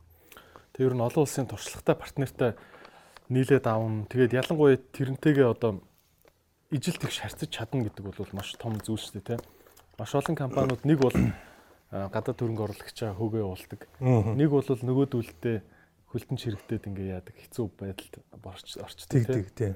Тэгээд яг гоё юм би нэгээ сайн ойлголцоод ижил төвшөнд харьцна гэдэг бол бас их мэдрэмж тэ судалгаа бүхэл юм шаардлагатай тийм. Яг зөв. Ер нь би ингэж боддгийн аа маш жижигхэн одоо деталь нюансууд нэг үгч байт юм уу те эсвэл ер нь юун дээр ч альва нэг юм дээр жижигхэн деталь гэдэг бол өөрөө бас үзүүлэх нөлөө нь маш том болох боломжтой. Жижигхэн нэг юм дээр одоо тэр нөхцөл байдланд харуулад хэлсэн үгч байт юм уу те. Тэр бүгдээрээ бас энэ ерөнхийдөө сэтгэл зүйн тоглоом тэр том компанид одоо бид нэр хөрөнгө оруулсан бид нар лөө хөрөнгө оруулсан гэд биднээс тэрэн дээр бас жоохон харьцаагаа тий. Гээ бид нар энийг яа наад чинь бол одоо үгүй гэж хэлж чаддаг ч байх юм уу тий. Тэр одоо бас орчин үүсэх ёстой л доо. Тэрийг ч бас яг үүсгэж анханаас нь явсан. Тэгж тооцоо. Тэгэхгүй яг нөө чиний хэлдгээр нэг том компани хараад толчоол тий. Тэдний нөө компани бичгээр хариулж өгдөг тий. Тий. Тэгэхээр айгүй хэцүү өсөв. Тэгэхээр ерөнхийдөө бас л сэтгэл зүйн тоглоом харилцааны одоо ур чадварч гэдэг юм уу нюансууд маш чухал. За одоо яг өөрчлөгчн тэгвэл нэг залуу байлаа гэж бодъё те. Дөнгөж компани эхэлж байгаа. Тэгээд бас хилтэй устдаа яаж хийж байгаад бас нэг гадны хөрөнгө оруулалт моруулалт авах гэж байгаа. Авахаар ингээ болцсон ч юм уу те. байгаа. Тэгээ бас нэлээ ирээдүйтэй бизнес юм санаатай. Ийм залууд одоо жишээ нь өөрөө зүгээр ингээд зөвлөгөө өгөөч гэвэл энэ энэ дээр анхаараарай гэж хэлэх юм юу вэ? Яг анх одоо хөрөнгө оруулалтаа татхаар болцсон гэвэл бас нэг өөр хэрэг те. А арай татаагүй байгаа. Яг ярьж байгаа нэг гурван газартай ярьж байгаа гэдэг. За танаа нэг дүүчээ орж ирлээ л те. Ах би ингээд нэг гурван газартай яриад байгаа. Ер нь бол сонирхож ин ингээд уул зэвэрэ гэсэн. Тэгээ ер нь баг нэг нь авчих байхаа болох байлгүй дээ гэд ингээд явж ивэл гэх. Аа. Тий би одоо тэгж хэлнэ. Гурван газараа эхлээд маш сайн судлах хэрэгтэй те. Аа зарим газрууд ч бас тийм юм ажиглагддаг шүү дээ. Тохиолдолд гардаг. Амар гой санаа юм ингээл ячаад За боллоо гингүүтээ өөрсдөө хэрэгжүүлсэн явж байдаг ч юм уу те. Хэтэрхий том компаниуд ягаад гэвэл энэ бүх хүний нөөц бүх юм бэлэн байгаа те. Оо нэг ийм юм та нар хийчих гэл. Тэгэхээр тийм асуудал үүсч болно. А тэгэхээр маш сайн судлах хэрэгтэй. А дээрэс нь анханасаа дийлээ маш сайн хийх ёстой. Тэгэхгүй за тэдийг одоо за хөрөнгө оруулчих гээл тэнгүүд өө тгий тгий гээл те. Шууд ингэх юм бол ерөөсөө тэр анханасаа л өөрсдийнх нь одоо үзэл бодол хамаахгүй хамаарахгүй хамаарха болоод тий тухайн газраасаа жоохон хараатуулаад тэрний үйл ажиллагаа чиглэлээр явах гэдэг гэсэн үг шүү дээ. Тэгэхээр анхнаас нь ер нь мэдрэмжийг өгөхөд бол тий дийл хийх хэрэгтэй. За тэдэн хувь дээр тэдэн дөрөвний хөрөнгө оруулалт хийч гэдэг. Тэгэх юм бол тий өөртөө саналыг хэлж явах хэрэгтэй тий зөрөгтэй. Үгүй юм байна тий. Ингээд дийл хийгээд тэр чинь нэг мэдрэмжийг өгч штэ анхнаасаа. За энэ чинь ингээд бас дийл хийж чинь тий өөртөө ихтэй байна тий энэ бизнесийнхаа төсөөлөл нь одоо бодтоор төсөөлөөд ингээд бас явчихаар юм байна гэдэг юм. Тэр мэдрэмжийг анханаас нь өгөөд явах нь бол маш зүйтэй. Аа дээрэс нь хөрөнгө оруулалт одоо pitch deck хийгээлтэй ингээд танилцуулаад э, тэрийг бол маш сайн одоо бэлтгэх хэрэгтэй маш системтэй тий. Анх яаж энэ бизнесийн санаагаа олсон юм те? Тэрнээсээ эхлээд сэтлээсээ эхлээд маш сайхан ярих хэрэгтэй. За тэгэл ямар асуудал шийдэт байгаа юм те? Бизнес бол заавал асуудал шийдэх ёстой те? Problem solution гэл. За ямар баг ажиллах юм те? Өөрөө ямар чадвартай юм те? Яаж удирдах юм? Багийг бас маш их харж хөрөнгө оруулдаг. Тухайн яг удирдах те? Одоо тухайн бизнесийн тэр санааг олчоо явж байгаа хүн нь өөрөө ер нь чадвар нь хэр байгаа гэдгийг хөрөнгө оруулагч нар бол маш их хардаг. Ерөөдөө хүнийг бас харж айгүйх хөрөнгө оруулалт хийдэг. Тэр нь ч гэсэн маш зүг байдаг. Хичнээн гоё төсөл хичнээн гоё бизнес модель стартап цоошин санаа байлаа гэд тэрийг удирдах яг явах тий одоо хамгийн жанжин шугам дээр одоо байлдах хүн хэр одоо сэтгэл зүйтэй хүчтэй тий хөдөлмөрч тийм чанар байгаа мó гэдгийг бол маш их харна. Тэгэхээр тэрэн дээрээ бас маш их анхаарах хэрэгтэй. За мэдээж одоо ингээл яг санхүүгийн модельоо маш сайн танилцуулах хэрэгтэй тий. Ийм зардал гарна, ийм хэрэглэгчтэй болно тий. Бизнес стратеги юм байна. Ингиж бид нэр хэрэглэгчдийг татна ч гэдэг юм уу. Өрсөлдөөний одоо хүчин зүйл ийм байна ч гэдэг юм уу те. Ингээд э, ерөөхдөө багц нөгөө нэг pitch deck гэдэг байгаа шүү дээ. Тэрийг аягүй сайн бэлдэх хэрэгтэй. Аа одоо бизнесээ танилцуулах гэсэн үг шүү дээ. Танилцуул. Танилцуулж чаддгүй шүү дээ ихэнх хүмүүс бас тийм. Айгүй гоё бизнестэй байгаад идэг. Тий, ер нь бол тийм э, судалгаа юм билээ. 2 минут 30 секундэд л ер нь 2 минут 30 секундэд шийдвэрээ гаргацдаг ихэнх хүмүүсээ хөрөнгө оруулагч нар. Ингээл танилцуулаад ингээд яхад те цаашаа сонсох уу сонсохгүй юу гэдгээ тэр хугацаанд л шийдчих байхгүй хөрөнгө оруулагч. Тэгэхээр ерөөсөө тэрийг маш сонирхолтой те боддоор за би ингэсэн тэгсэн те түүхээ яриад ингэж энэ санааг болсон гэж сонирхлын татах хэрэгтэй. Аа дээрэс нь ерөөсөө худлаа бол те тоо хэлэх ч юм уу худлаа төсөөлөл ярьж болохгүй бүх юма боддоор нь За ийм бол ялчгүй эрсдэл байна тий. Гэтэ энэ эрсдлийг ингээд шийдчих боломж бол харагдаж байгаа. Угаасаа тэр хөрөнгө оруулагч тэр одоо тухайн хүний ярьж байгаа тэр бизнес тэр ерөөсөө төсөөлөлт төр ярина дээ. Ирээдүйд болох зүйл учраас хинж мэдэхгүй. Тэгэхээр аль болох бодиттой тэр трейд юу вэ те асуудал шийдэл нь юу вэ гэдгээ маш бодиттой ярих хэвээр. А дээрэс нь маш чөлөөтэй сэтгэх хэвээр, төсөөлөх хэвээр, тэрийг ярих хэвээр. А Тэгэхгүй за энэ нэг иймэрхүү болох баха гэдэл яриад орох биш те. Итгэлгүй биш. Маш итгэлтэй төсөөлөөд те. Би бол энийг одоо юу гэдэг хүн болгоны одоо гар утсан дээр заавал ашигладаг нэг аппликейшн бол болох боломжтой гэж бодож байна. Ягаад гэвэл ийм юм давуу тал байгаа.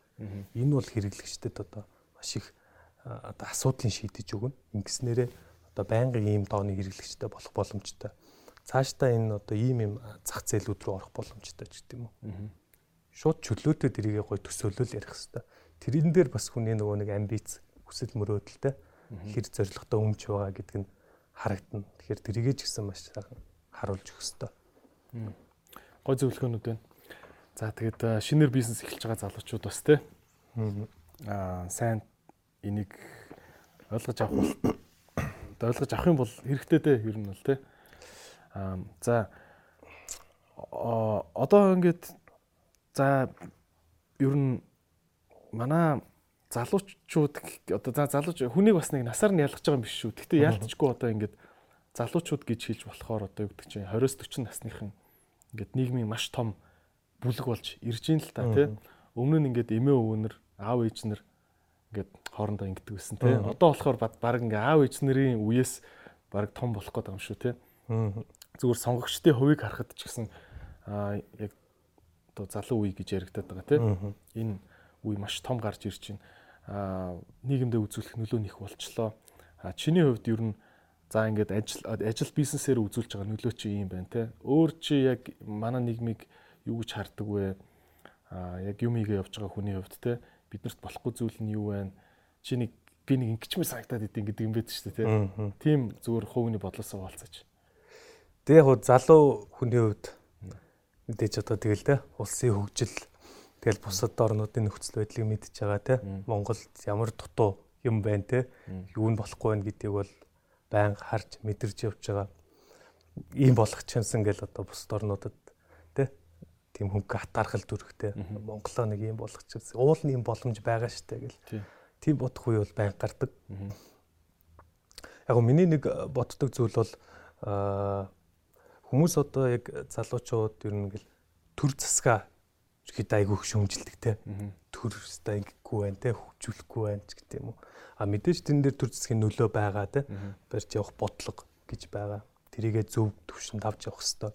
А тэгтээ одоо жишээлбэл юу гэдэг а Шведийн ч гэдэг юм уу, Норвегийн ч гэдэг юм уу те. Том хөгжилтэй орнуудын төр засгийн шууд авчираад Монголд тавьчих л да. Монголыг өдөрдүүлээд юм бол би бол тэгж боддог. Нэх үр дүн бол гарч чадахгүй байна. Тэ? Тэд нэр одоо хичнээн тэр одоо соёлтой, хүчлээ тэ, ёс зүйтэй тийм манераар удирдлаа гэд тэн дээр нэх үр дүн бол гаргаж чадахгүй. Яагаад тэр үр дүн гарахгүй вэ гэхээр аа ерөөсө дээрээсээ биш доороос л асуудлуудыг шийдээд явах хэвээр.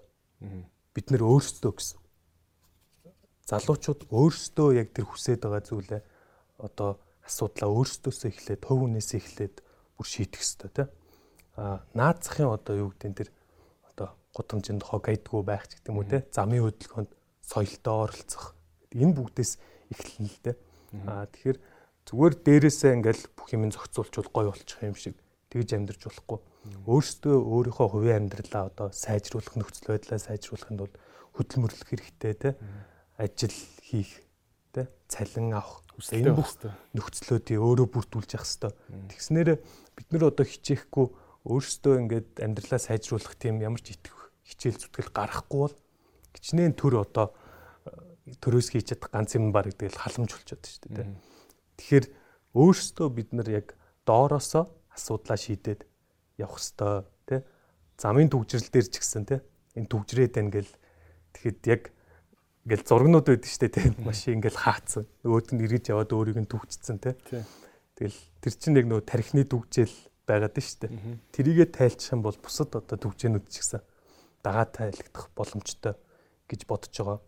Аа нэг өдөр өргөс авцсан юм шиг бол бүх юм сайхан болно гэж байхгүй шүү дээ. Тэгэхээр энэ нь бол ерөөсөө яг багаас нь доороосоо эхлээд ингээд өөрчлөгдөд явах юм бол урт хугацаанд өөрчлөлт ирэх боломжтой гэж би хардаг. Ялангуяа одоо энэ дараа дараагийн үеийн эцэг эхнэр хүүхдээ ч юм уу те маш зөв үлгэр дуурайллыг үзүүлж явах хэрэгтэй байна. Тим эцэг эхчүүд бол зөндөө байгаа тий. А тийм биш нь ч байгаа. Зам дээр ингээл төвчрэлтэй явж хахад хөр хөрхөн хүүхдүүдтэй хойноос суулгачаал те цохон голгол ирэлдэл ашиграал.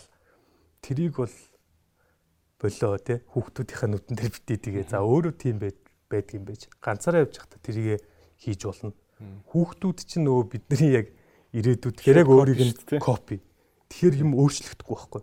Тэгэхээр ядаж тэрэн дээр яг анхаарад тий хүүхдүүдийнхаа нүдэн дээр одоо айгу зөв үлгэр дүүрэлттэй тий ийм байгаа ч тэгжээж тэр хүүхдүүд чинь яг одоо тий орчин үеийн шин тэр соёлтой одоо ёс суртахуунтай болж томрно. Тэгээд яг ирээдүйд үр дүн гарна л гэсэн үг. Тэгэхээр өнөөдрөөс яг тэрийг ер нь бол бодож тий ялангуяа яг ирээдүйдэл хөрөнгө оруулна гэж ярьдаг шүү дээ. Тэгэхээр ирээдүйн асуудлыг шийдэх гэдэг бол өнөөдрөөс л баг багаар одоо яг тэр хүүхд багчудаас эхлээл шийдээд явах хэрэгтэй баг. А төр засгаас гэх юм бол юу гэдэг боловсролын систем дээр одоо жишээлбэл маш анхаарал хандуулгатай. 10 жилийн одоо хүүхдүүд жишээлбэл төгс ангидэн ч гэдэг юм уу замын хөдөлгөөний одоо бас тодорхой дүрм журам те нэг тийм сэдв хичээл байдаг ч юм уу. Ингээд бас багаас нь одоо шийдээд яваад байх боломжтой байна гэсэн үг. А хүнд одоо би нөгөө Австралид тэр ингээл байж хахад одоо өндөр хөгжилтэй орнуудыг ажиглаж байхад нийгэмдэр бол ерөөсөө хүнд одоо төвөг учруулахгүй байх гэдэг тэр сэтгэл зүй бол хамгийн өндөр суудсан байдаг. Тийм ёс зүй байдаг. Тэгэхээр манайх бол ингээ харахад яг хүнд төвөг учруулахыг одоо баг ерөөсөө юм чинээ нэг сүртэй юм биш. Сүртэй тий. Тэ шинэ хаагаал тавьчихдаг тий. Яг уу тэр нөхцлөөд ялчгүй одоо тийм байл та хааж тавихаас өөр аргагүй болчиход байна. А тэгтээ одоо бүр сүлтээ дасцсан те. Оо одоо очлоо ч гэдэг юм те. Өдөр чи яарад хүнд дөөг учруулах гэдэг те. Гялсгүйгээд аль болох хурднараа ингээд тийм бас ёс зөө одоо те суртахуун суух хэрэгтэй хаа хүнд төв учруулна гэдэг чинь хамгийн бүдүүлэг соёлгүй тийм хэлбэр штэ. Нийгэмд нийгэм зөвөр ингээд тий маш их одоо өгөөж өгж болох байсан хөдөлмөрийг ингээд үгүй болгож байгаа юм л да тий.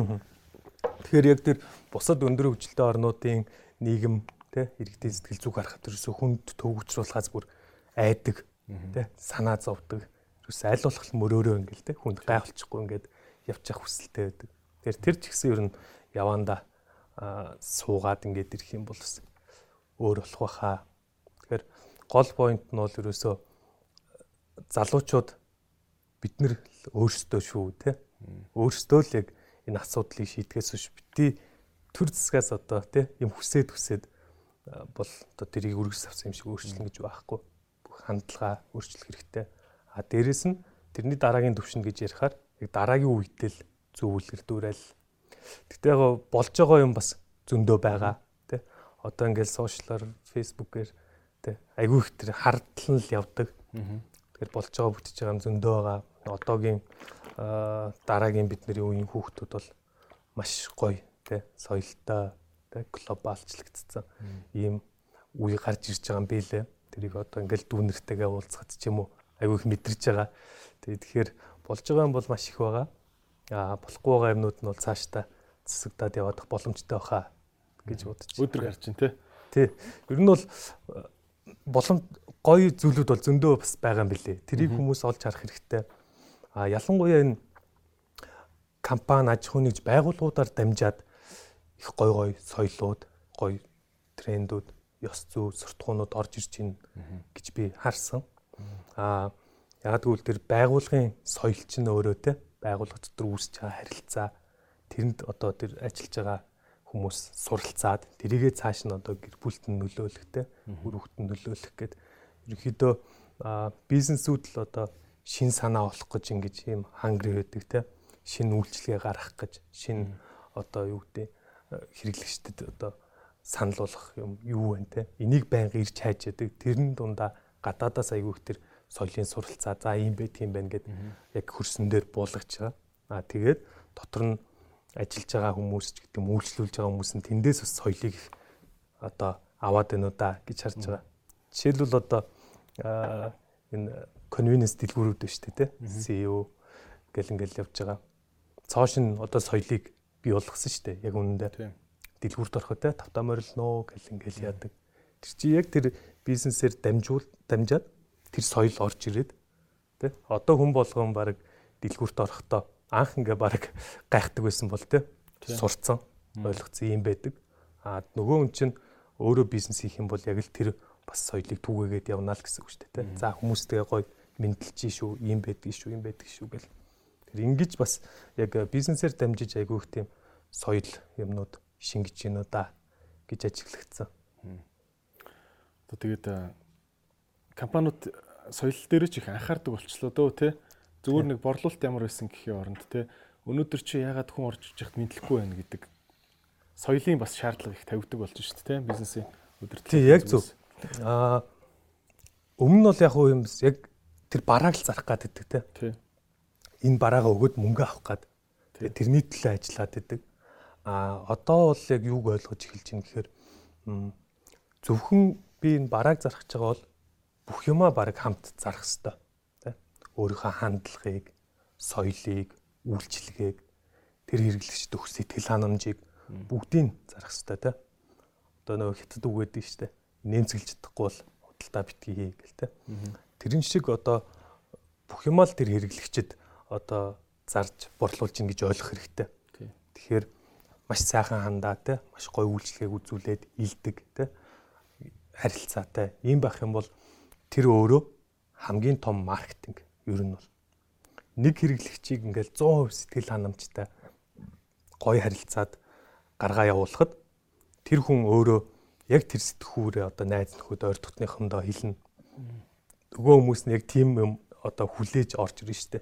Хүлээлттэй орж ирнэ. Тэрийг дахиад яг өгөх юм бол гэл энэ бол яг нөгөө нэг геометр прогресс шиг тэ үрчгээр ингээд үрчгэх тогтолцоогоор одоо өсөөд явна л гэсэн үг хэрэглэж штэ. Тэгэхээр яг тэрэн дээр анхаарах хэрэгтэй болов. Тэгэхгүй зүгээр масс маркетинг хийгээл юмаа борлуулах гал орж ирсэн хүмүүст ингээл скс бараагаа өгөөл ингээл явах юм бол дахиж орж ирэх үгүй. Нэг удаа орж ирлээ. Дахиж орж ирэх үгүй гэдэг шийдвэр бол тэр үед гарчна. Маш гоё харилцаад сэтгэл ханамж сэтгэл үлдээж чадах юм бол тэр бол яг дахиж орж ирнэ. Орж ирэхдээ үржиж орж ирнэ те. Тэгээ тэрийг айгүйх бас анзаардаг болчих шүү байна.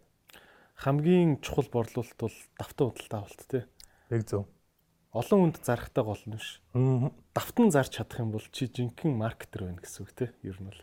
Тийм шүү дээ. Яг зөв. Тэгэхээр нэг удаа ирж бол ирүүлж бол болно шүү дээ. Яаж хийж байгаа. А гол нь тэр үнийг байнга ирүүлэх. Ирэх болгонд нь үйлчлэгээ сайжруулах. А дээрэс нь дараа дараагийн яг юу хүсэж байна те. Фидбек авах тэр үнээс те. Танд одоо юу вэ? Санал хүсэлтийг авах.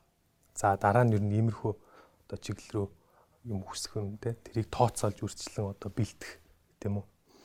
Манай дээр одоо жишээлбэл аа гэл бүр байнгын одоо авдаг бүр итгэмээргүй баг ингээл хідэн баг 100 хүрэх байгаа тийм худалдан авалт хийсэн хүмүүс ч гэсэн байна.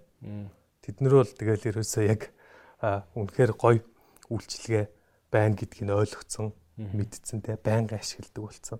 Тэгэхээр бид нар дээр ч гэсэн яг тэндээс одоо яг тэр доктортой ашиг орлого компани үйл ажиллагаа явна уу гэхээс нэг хүү орж ирээд нэг худалдан авалт хийчээд болоодох юм бол тэр бол ямар ч тийм long lasting юм байхгүй болчихно гэсэн үг шүү дээ тийм. Тэгэхээр тэр хэрэглэгч нарын байнгын үйлчлэгээ болох хэрэгтэй. Тэрний тулд асуудлуудын дандаа уг үнцээр нь шийдээд дараа дараагийн юм одоо маш хурдтай хөгжүүлж шин төвшөнд ингээд дандаа гаргаж явах хэрэгтэй гэж боддог.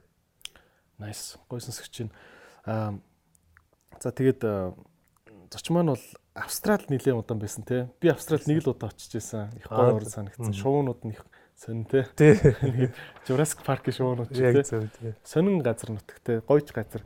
Австралиас одоо нэг хүний хүү эрдэм үртэл ирлээ гэдэг чинь тий.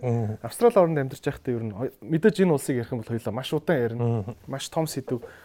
Ер нь Австралиас юу хамгийн их өөртөө нааж шингээж ойлгож ирвэ? За Австралид би Юу хийв мастер дигри сурсан. Аа тэгээд яг одоо эргээд харахад бол ер нь тэр их сургуульд те мундаг их сургууль сураад мастрын зэрэг хамгаалаад мэдээж тэндээс яг онол талын те олж мэд сурсан юм бол байгаа. А тэгтээ нөгөө талаараа яг тэр орчинд очоод те хүн өөрийгөө ингээ шахаанд оруулаад яг э, тэр нөхцөл байдлыг даван гарч байгаа те тэнд одоо өөрөө өөрийнхөө амьдрах орчин бий болгож байгаа тэр үйл явц бол ер нь хамгийн одоо баг нөгөө мастер дигригээс илүү надад одоо хөрөнгө оруулалт тийм өгөөжтэй байсан харагддаг. Тэр яг анх Австралид очиод яг мастерт сурахад эхний одоо жилдээ ч гэдэг юм уу жишээлбэл яг л хичээлээ ингээл байнгыг л те ийм байхаас өөр аргагүй байсан. А тэрний дараагаар одоо жишээлбэл за окей ажил хий те тэггүй бол чинь өндөр зарталтай те өртөг их улс байдаг. Австралич сонин орон сууцныхаа мөнгийг сар мараар нь төлдөг 7 хоногор төлдөг л шүү дээ. Тий 7 2 7 fortnightly те 2 7 хоногор төлөө явдаг. Тэгэхээр яг тэрэн дээр би яг анх юу яасан Австрал нэг юм courier компани гэдэг шүү дээ те түгээлтийн хүргэлтийн тийм ажил хийж эхэлсэн.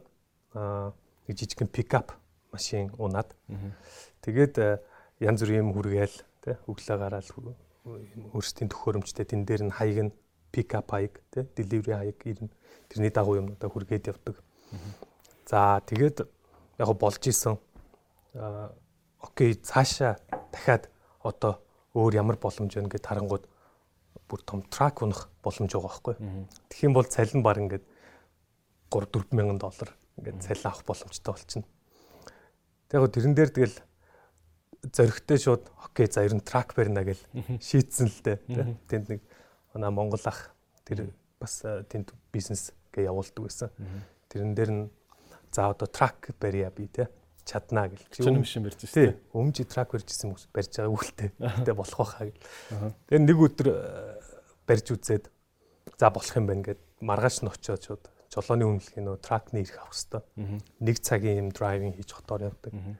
Тэгээ тэрэн дээрээ ороод тэнцэл үнэлгээ аваад маш их баярлж ийла. Тэгээ тракаа унаад э, одоо ерөөдөө нэлийн хүнд ажил хийдэг байсан.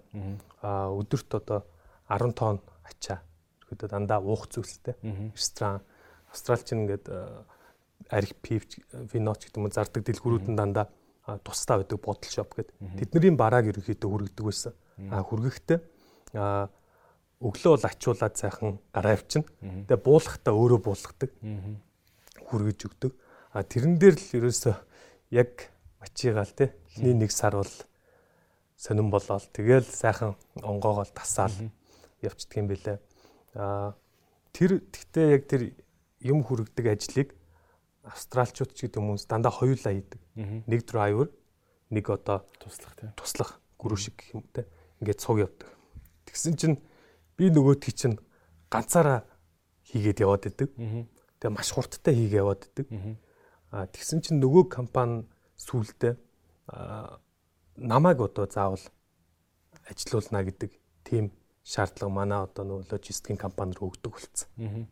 Одоо 503 гэдэг би номертой л та тракны. 500 захиалга өгөхдөө доор нь 503 гэж бичсэн байдаг.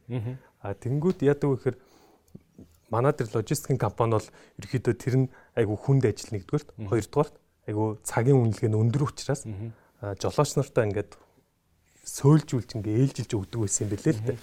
Тэгжээж бас нөгөөний ачаалаа дээрэс нь хамгийн өндөр цалин мэдхгүй бүгдийн сайцсан. Тий. Өндөр цалинтайг нэг хүнд өгөөд ижлэхгүйгээ тараад байсан. Тэгсэн чинь би нөгөөдг нь өглөө гараад өдөр нэг болж яхад түгээж дуусахгүйдаа буцаад хүрээд ирдэг байхгүй. За дуусчлаа гэдгсэн чинь нүдэн оройд байгаа шүү дээ. Чи дууссан юм уу? Хүргээд дуусчлаа гэсэн. Энд чи хоёр хүн ингээ бүхэл бүтэ өдөржингөө хийдэг ажил штэ тий. Өдөрт нэг л юм ээлжинд явдаг штэ. За за чи ирсэн бол яг хөө энийг нэг хүрчихгүй өдөө тэгээд болсон доо. Тэнгүүд л нөгөөдөл чинь яг энэ залууч шүү дээ тий. Алах юм байна тий. Амар юм байна. Тэгээд тэр сэдлийг одоо өгснөөрөө намайг жишээлбэл байнга дуутдаг болчихж байгаа.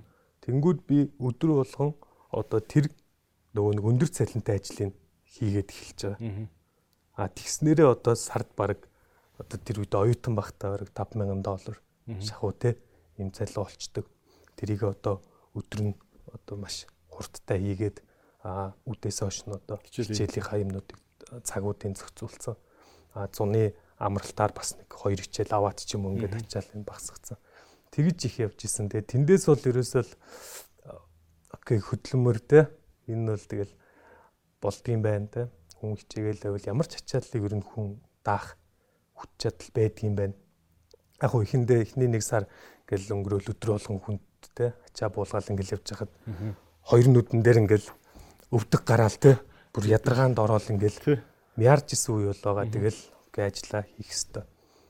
Гэл ингээл явж. Тэндээс бол ер нь маш тийм одоо нөгөө мастер дигригээс илүү тийм хөдөлмөрлөх тий сууж штэ хат сууж юм. Тэгээ тууштай байна юмд тий няцахгүй шантрахгүй тийм сэтгэл зүй сууж байна тэрийг айгүйх олж авсан тэр ч гэсэн ер нь байнгын л одоо имийг нэг ингээд дуусгадаг тий тутуу хайдгүй тийм зан чанар сууж байна гэдэг. Идрес подкастын спонсор Монсын Цэник брендийг танилцуулж байна.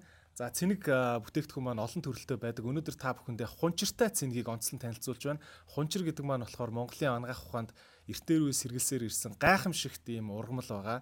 А хүний дархлаа, биеийн ядаргаа тайлах, ялангуяа одоо улирал солигдож байгаа үед архыг ядаргааг тайлах, биеийг тэнхрүүлэх ийм мундаг үйлчлэгээтэй бүтээгт ургамал байгаа. Тэгээд энэ ургамлыг орчин үеийн ийм инновацлог бүтээгдэхүүн болгож цэник брэнд гаргасан байгаа. Савлгаа нь маш гоё энгийн авч явахад эвтэйхэн зүрхэндээ аваад явдаг тий ялангуяа одоо энэ ковид гадуур их байгаа удирдал солигдож байгаа хүүтний удирдал ирж байгаа энэ үед та бүхэн цэник бүтээгдэхүүнийг хэрэглээрээ дархлаагаа дэмжих бүтээгдэхүүн байгаа энэ нэг удаагийн энержи одоо өгдөг бүтээгдэхүүн бол биш шүү тийм учраас та бүхэн яг курсээр нь ингээд курсээр нь савлчихсан байгаа өдөрт нэгийг хоёрыг тэгээд 30 хоногоор уугаад хэрэглээрээ та бүхний биед бас их гоё сэргэж дархлаа чинь сэргэж байгаа мэдрэгдэх баха гэж бодож байна. Би хувьдаа бол хунчрыг яг үндэс хэлбрээр нь ингээд нунтгалцсан хэлбрээр нь янз бүрээр хэрэгжилж үзчихсэн. За тэгээд ингээд савлгаатай шингийн хэлбрээр хэрэглэх нь бас маш их эвтэйхэн гоё амтан ч гэсэн гоё байдаг шүү. Тэгээд цэник бүтээгдэхүүнийг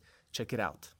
Чамд гэхдээ ер нь ажиглагддаггүй яг ингээд бас маш олон бизнес хийж байгаа хүмүүсийг харахаар ихвчлэн дандаа нэг юм ахын тэнд одоо гэдэг чинь Оросд ингэж бараа зөөдөг байлаа штэ гэл. Эсвэл ахын Солонгост ингэж 5 жил ажиллаж илаа штэ гэл. Дандаа нэг юм гадаадд ингээд ажиллаар нухуулсан хүмүүс Монголдо буцаж ирэхээр айгу амжилттай байдаг юм санагдаад байдаг шүү дээ. Тий, тий. Нэг ажил хийгээ сурцсан ингээд бүр гялцуулаа сурцсан байт юм уу? Яг зөв тий. Тэгэхээр яг хүн тэр нөгөө ийм аргагүй нөхцөл байдалд ороод байна л да. Тэгэхээр ямар ч хүнээс тэр хүчж чадал тий тэр сэтгэл зүй гарч ийн гэсэн. Би тэгж боддتي. Одоо нөгөө ер нь хүн болгон хинч гэсэнтэй Билл Гейтс, Элон Маск ч гэсэн хамаагүй бүгд л ер нь хүн төрөөл тий хөлд ордог, хилд ордог. Бид нар бүгд адилхан тэрийг хийгээд чадсан бохгүй тий. Хөлд ороод алхад сурсан өөрсдөө тий ярьж сурсан. Хүн болгол тэрийг чадсан. А тэнгууд тэр үед яаж юм гэхээр бид нар өөр сонголт байхгүй юм чи бид нар тэрийгэл сурчиж байгаа байхгүй. А тэгээд арай томроод ирэнгүүт тэр одоо тууштай байх те зоригтой хийгсэн юм а хийдэг байх зан чанар бол бас яг нөгөө нэг хүн өөрийгөө яг шахаанд оруулаад те За энийг л хийхгүй бол болохгүй гэсэн тийм нөхцөл байдалд орцсон үед бол хүн хийгээд чадчихж байна л гэсэн.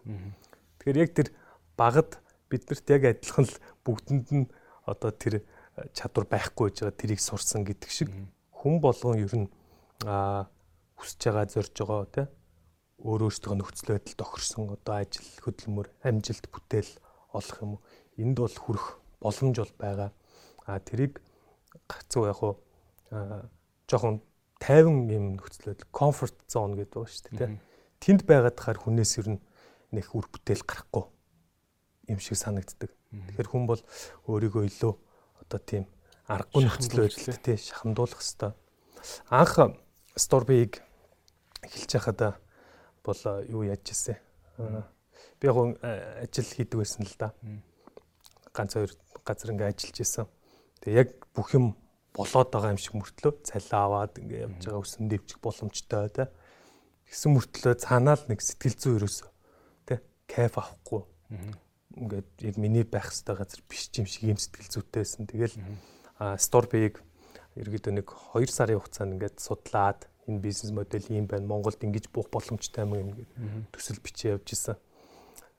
Тэгэл тэр чи асар их хэргэлцээ байгаа шүү дээ тий. Ажлаасаа гарах уу яах уу тий.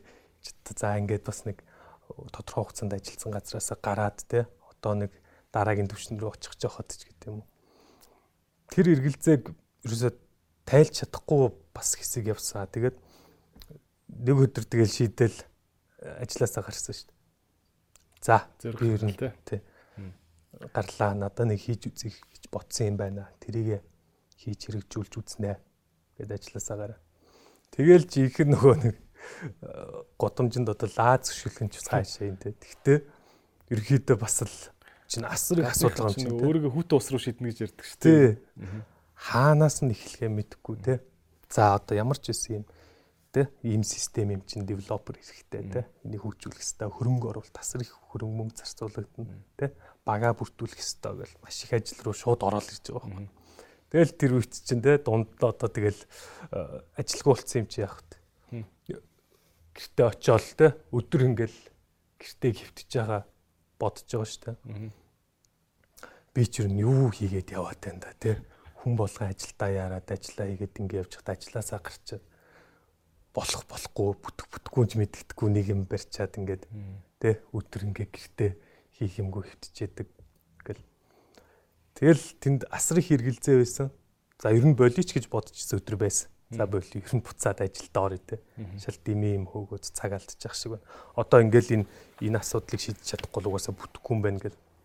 Тэнгүүд яг уу өөрийгөө илүү нөгөө нэг шахаанд оруулахын тулд одоо нэг австралд ингээл тэнд ажил хийгээл нэлээ өндөр цалин авдаг байсан.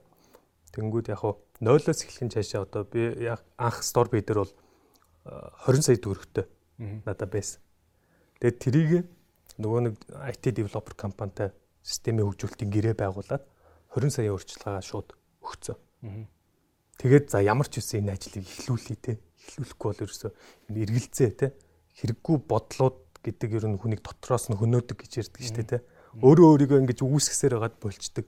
За ямар ч гэсэн ихлүүлчихийгээд нөгөө 20 сая өөрчлөлгааг төлөөд тэр чинь ингээд хуваарийн дагуу тэ тест төвлөрч хилчгээд тэдөө ингээд дуусахад тэдөө гэд байсан. 20 сая өгөөл тэгэл үлдсэн хөв дээр жихэн нөгөө толгойн өвч эхэлж толгойн өвч эхэлж байгаа. Тэнгүүд яалч юу бид нар нөхцөл аргагүй нөхцөл байдалд орчиж байгаа учраас асуудлыг шийдэж л байгаа юм л да. Яваал те хөрөнгө оруулалт тайгаал хүмүүстэй уулзч үзэл ингээл явж ирсэн. Аа тэгээд тэр нөгөө нэг гадны хөрөнгө оруулагч компанид бол MICC гэдэг одоо хөрөнгө оруулалтын компани гэдэг Монголын. Аа тэндэгүүр тэндээс танилцчихсан. Тэгээд тэр яг chairman одоо ирсэн. Тэр хүнд нэг хоолнд оруулъя гэж гуйж байгаад те аа зайсангийн нөгөө Ижана гэдэг. Тэнд яг ингээд хоолнд оруулаад жинхэнэ нөгөө pitch deck-ийг бол тэгтээ маш сайн бэлдсэн байсан одоо яг санд ийм том одоо цаасан дээр би багшин дээдийн тэр томоор хөвлөдөг газруудаар юма хөвлүүлээд ингээд урт нь дэлгэж тавиад ийм ийм ийм ингээд бүх юмаа сайхан яриад танилцуулж исэн. Тэгээ маш сайхан хүлээж аваад окей тэ ойлголоо. Маш гоё бизнес санаа байна. Тэгээд нөгөө хүн чинь буцаа явчихж байгаа. Тэгээд нэг дөрвтэй хариу өгөхгүй. Тэ баг сар болж байгаа дээ. Тэр оронд чинь өө би нөгөө ажил эхлүүлсэн тэ. Бүх юм ингээ яваад идэв. Тэнгүүд юу яасан л да. Аа Таиландд амьдардаг тэр хүн. Таиланд руу шууд окей ер нь явъя. Тэ очихтай маань. Таиланд руу аялах гэж байна тэ. Гэт Таиландд очиж байгаа. Тэгээ нөгөө хүн чинь мэдээж Монголд байхад уулзаад яц. Таиландд бас нэг уулзаад тэ би аялаа явж гингүүч тэ. За окей. Хоолнд оръё тэ. Чамаа хоолнд оруулъя гэдээ уулзаа яж. Тэг яг тэн дээр яг очиж дахиж уулзж ээж яг тэр эцсийн шийдвэрийг дахиад одоо юмнуудаа тэр хугацаанд чинь нөгөө ажил явцсан байгаа. За тэ develop юм юм одоо процесстэй явж гин. Одоо энийг бид нар хийж гин. Энэ дээр одоо ингээд дараагийн шатны хөрөнгө оруулалт шаардлагатай тэ. Ким бол одоо ингээд боллоо гэж бодит ажиллаа үзүүлж шít. Өмнө зөвхөн пичдэг байсан бол. Тэгээд тэндээс яг анхны хөрөнгө оруулалтаа татал яг цааштай ингээд үйл ажиллагаа явсан да. Тэгэхээр яг энэ бүгд одоо яг ямар хаанаас үүссэн бэ гэхээр ер нь хүн болгонд л ер нь яг сайн ирж хайх юм бол тэр боломж нь бол байгаад байгаа. Тэрийг олж харах хэрэгтэй те. А олж хараад тэр боломжийг нээчих юм бол тэрийг маш сайн ашиглах хэрэгтэй. Тэгэхээр боломж бол байнга бол хүнд олдохгүй шүү дээ. Тэ нэг тоотой хитэн гой боломжууд гарч ирнэ. Тэрийг л маш сайн тухайн үед нь барьж аваад бодит ажил хэрэг болох хэрэгтэй гэсэн. Тэгэхээр яг жишээлбэл би гэдэг одоо нөгөө яг комфорт зонд байсан бол тэгж амар тэ хичээж байгаа юм шиг хичээхгүй шүү дээ. Тэгэхээр тэрний хүчинд бас ингэж хүнээс яг тэр бүх э, юу нь гарч ийн тэ хийж бүтээх хүсэлтэй аргагүй байдалд орсон энийг хийхгүй бол болохгүй гэдэг гарцсан. Тэгэхээр тэрнээс бол балаад ерөөхдөө нэг ингэж ажил хэрэг болгосон байна гэж Маш гоё түүх байна. баярлалаа. Хангалттай баярлалаа. Тэгээ маш гоё аа маш гоё авууштай гоё өөрийн яг бод түүхтэр те ингээд гоё поинтыг хуваалцаж байгаад баярлалаа. Тэгээд хангалтайгаа өнөөдөр маш сайхан ярилцлаа. Store Pay гэдэг Монголын ийм санхүүгийн гоё технологийн гоё сервис. Үнэхээр зүүм даацд үнэхээр гарчаасаа гэж бодож байна. Тэгээ бидний үеийнхний хамгийн том мөрөөдөл бол одоо тэгэл Монголдо оюуныхаа хүчээр хүнийхээ хүчээр Монгол руугаа доллар оруулж ирж эдийн засгаа ингэж гоё цэцэглүүлээ те зүгээр нэг нүүрсний мөнгө хүлээгээд байж байгаа болий гэж байгаа. Тэгээд маш гоё юм жишээ ингээ бидний дунд байгаад их бахарч байна. Тэгээд цааш дах ажилд амжилт хүсье. За баярлалаа. Үрж оролцуулсанд баярлалаа.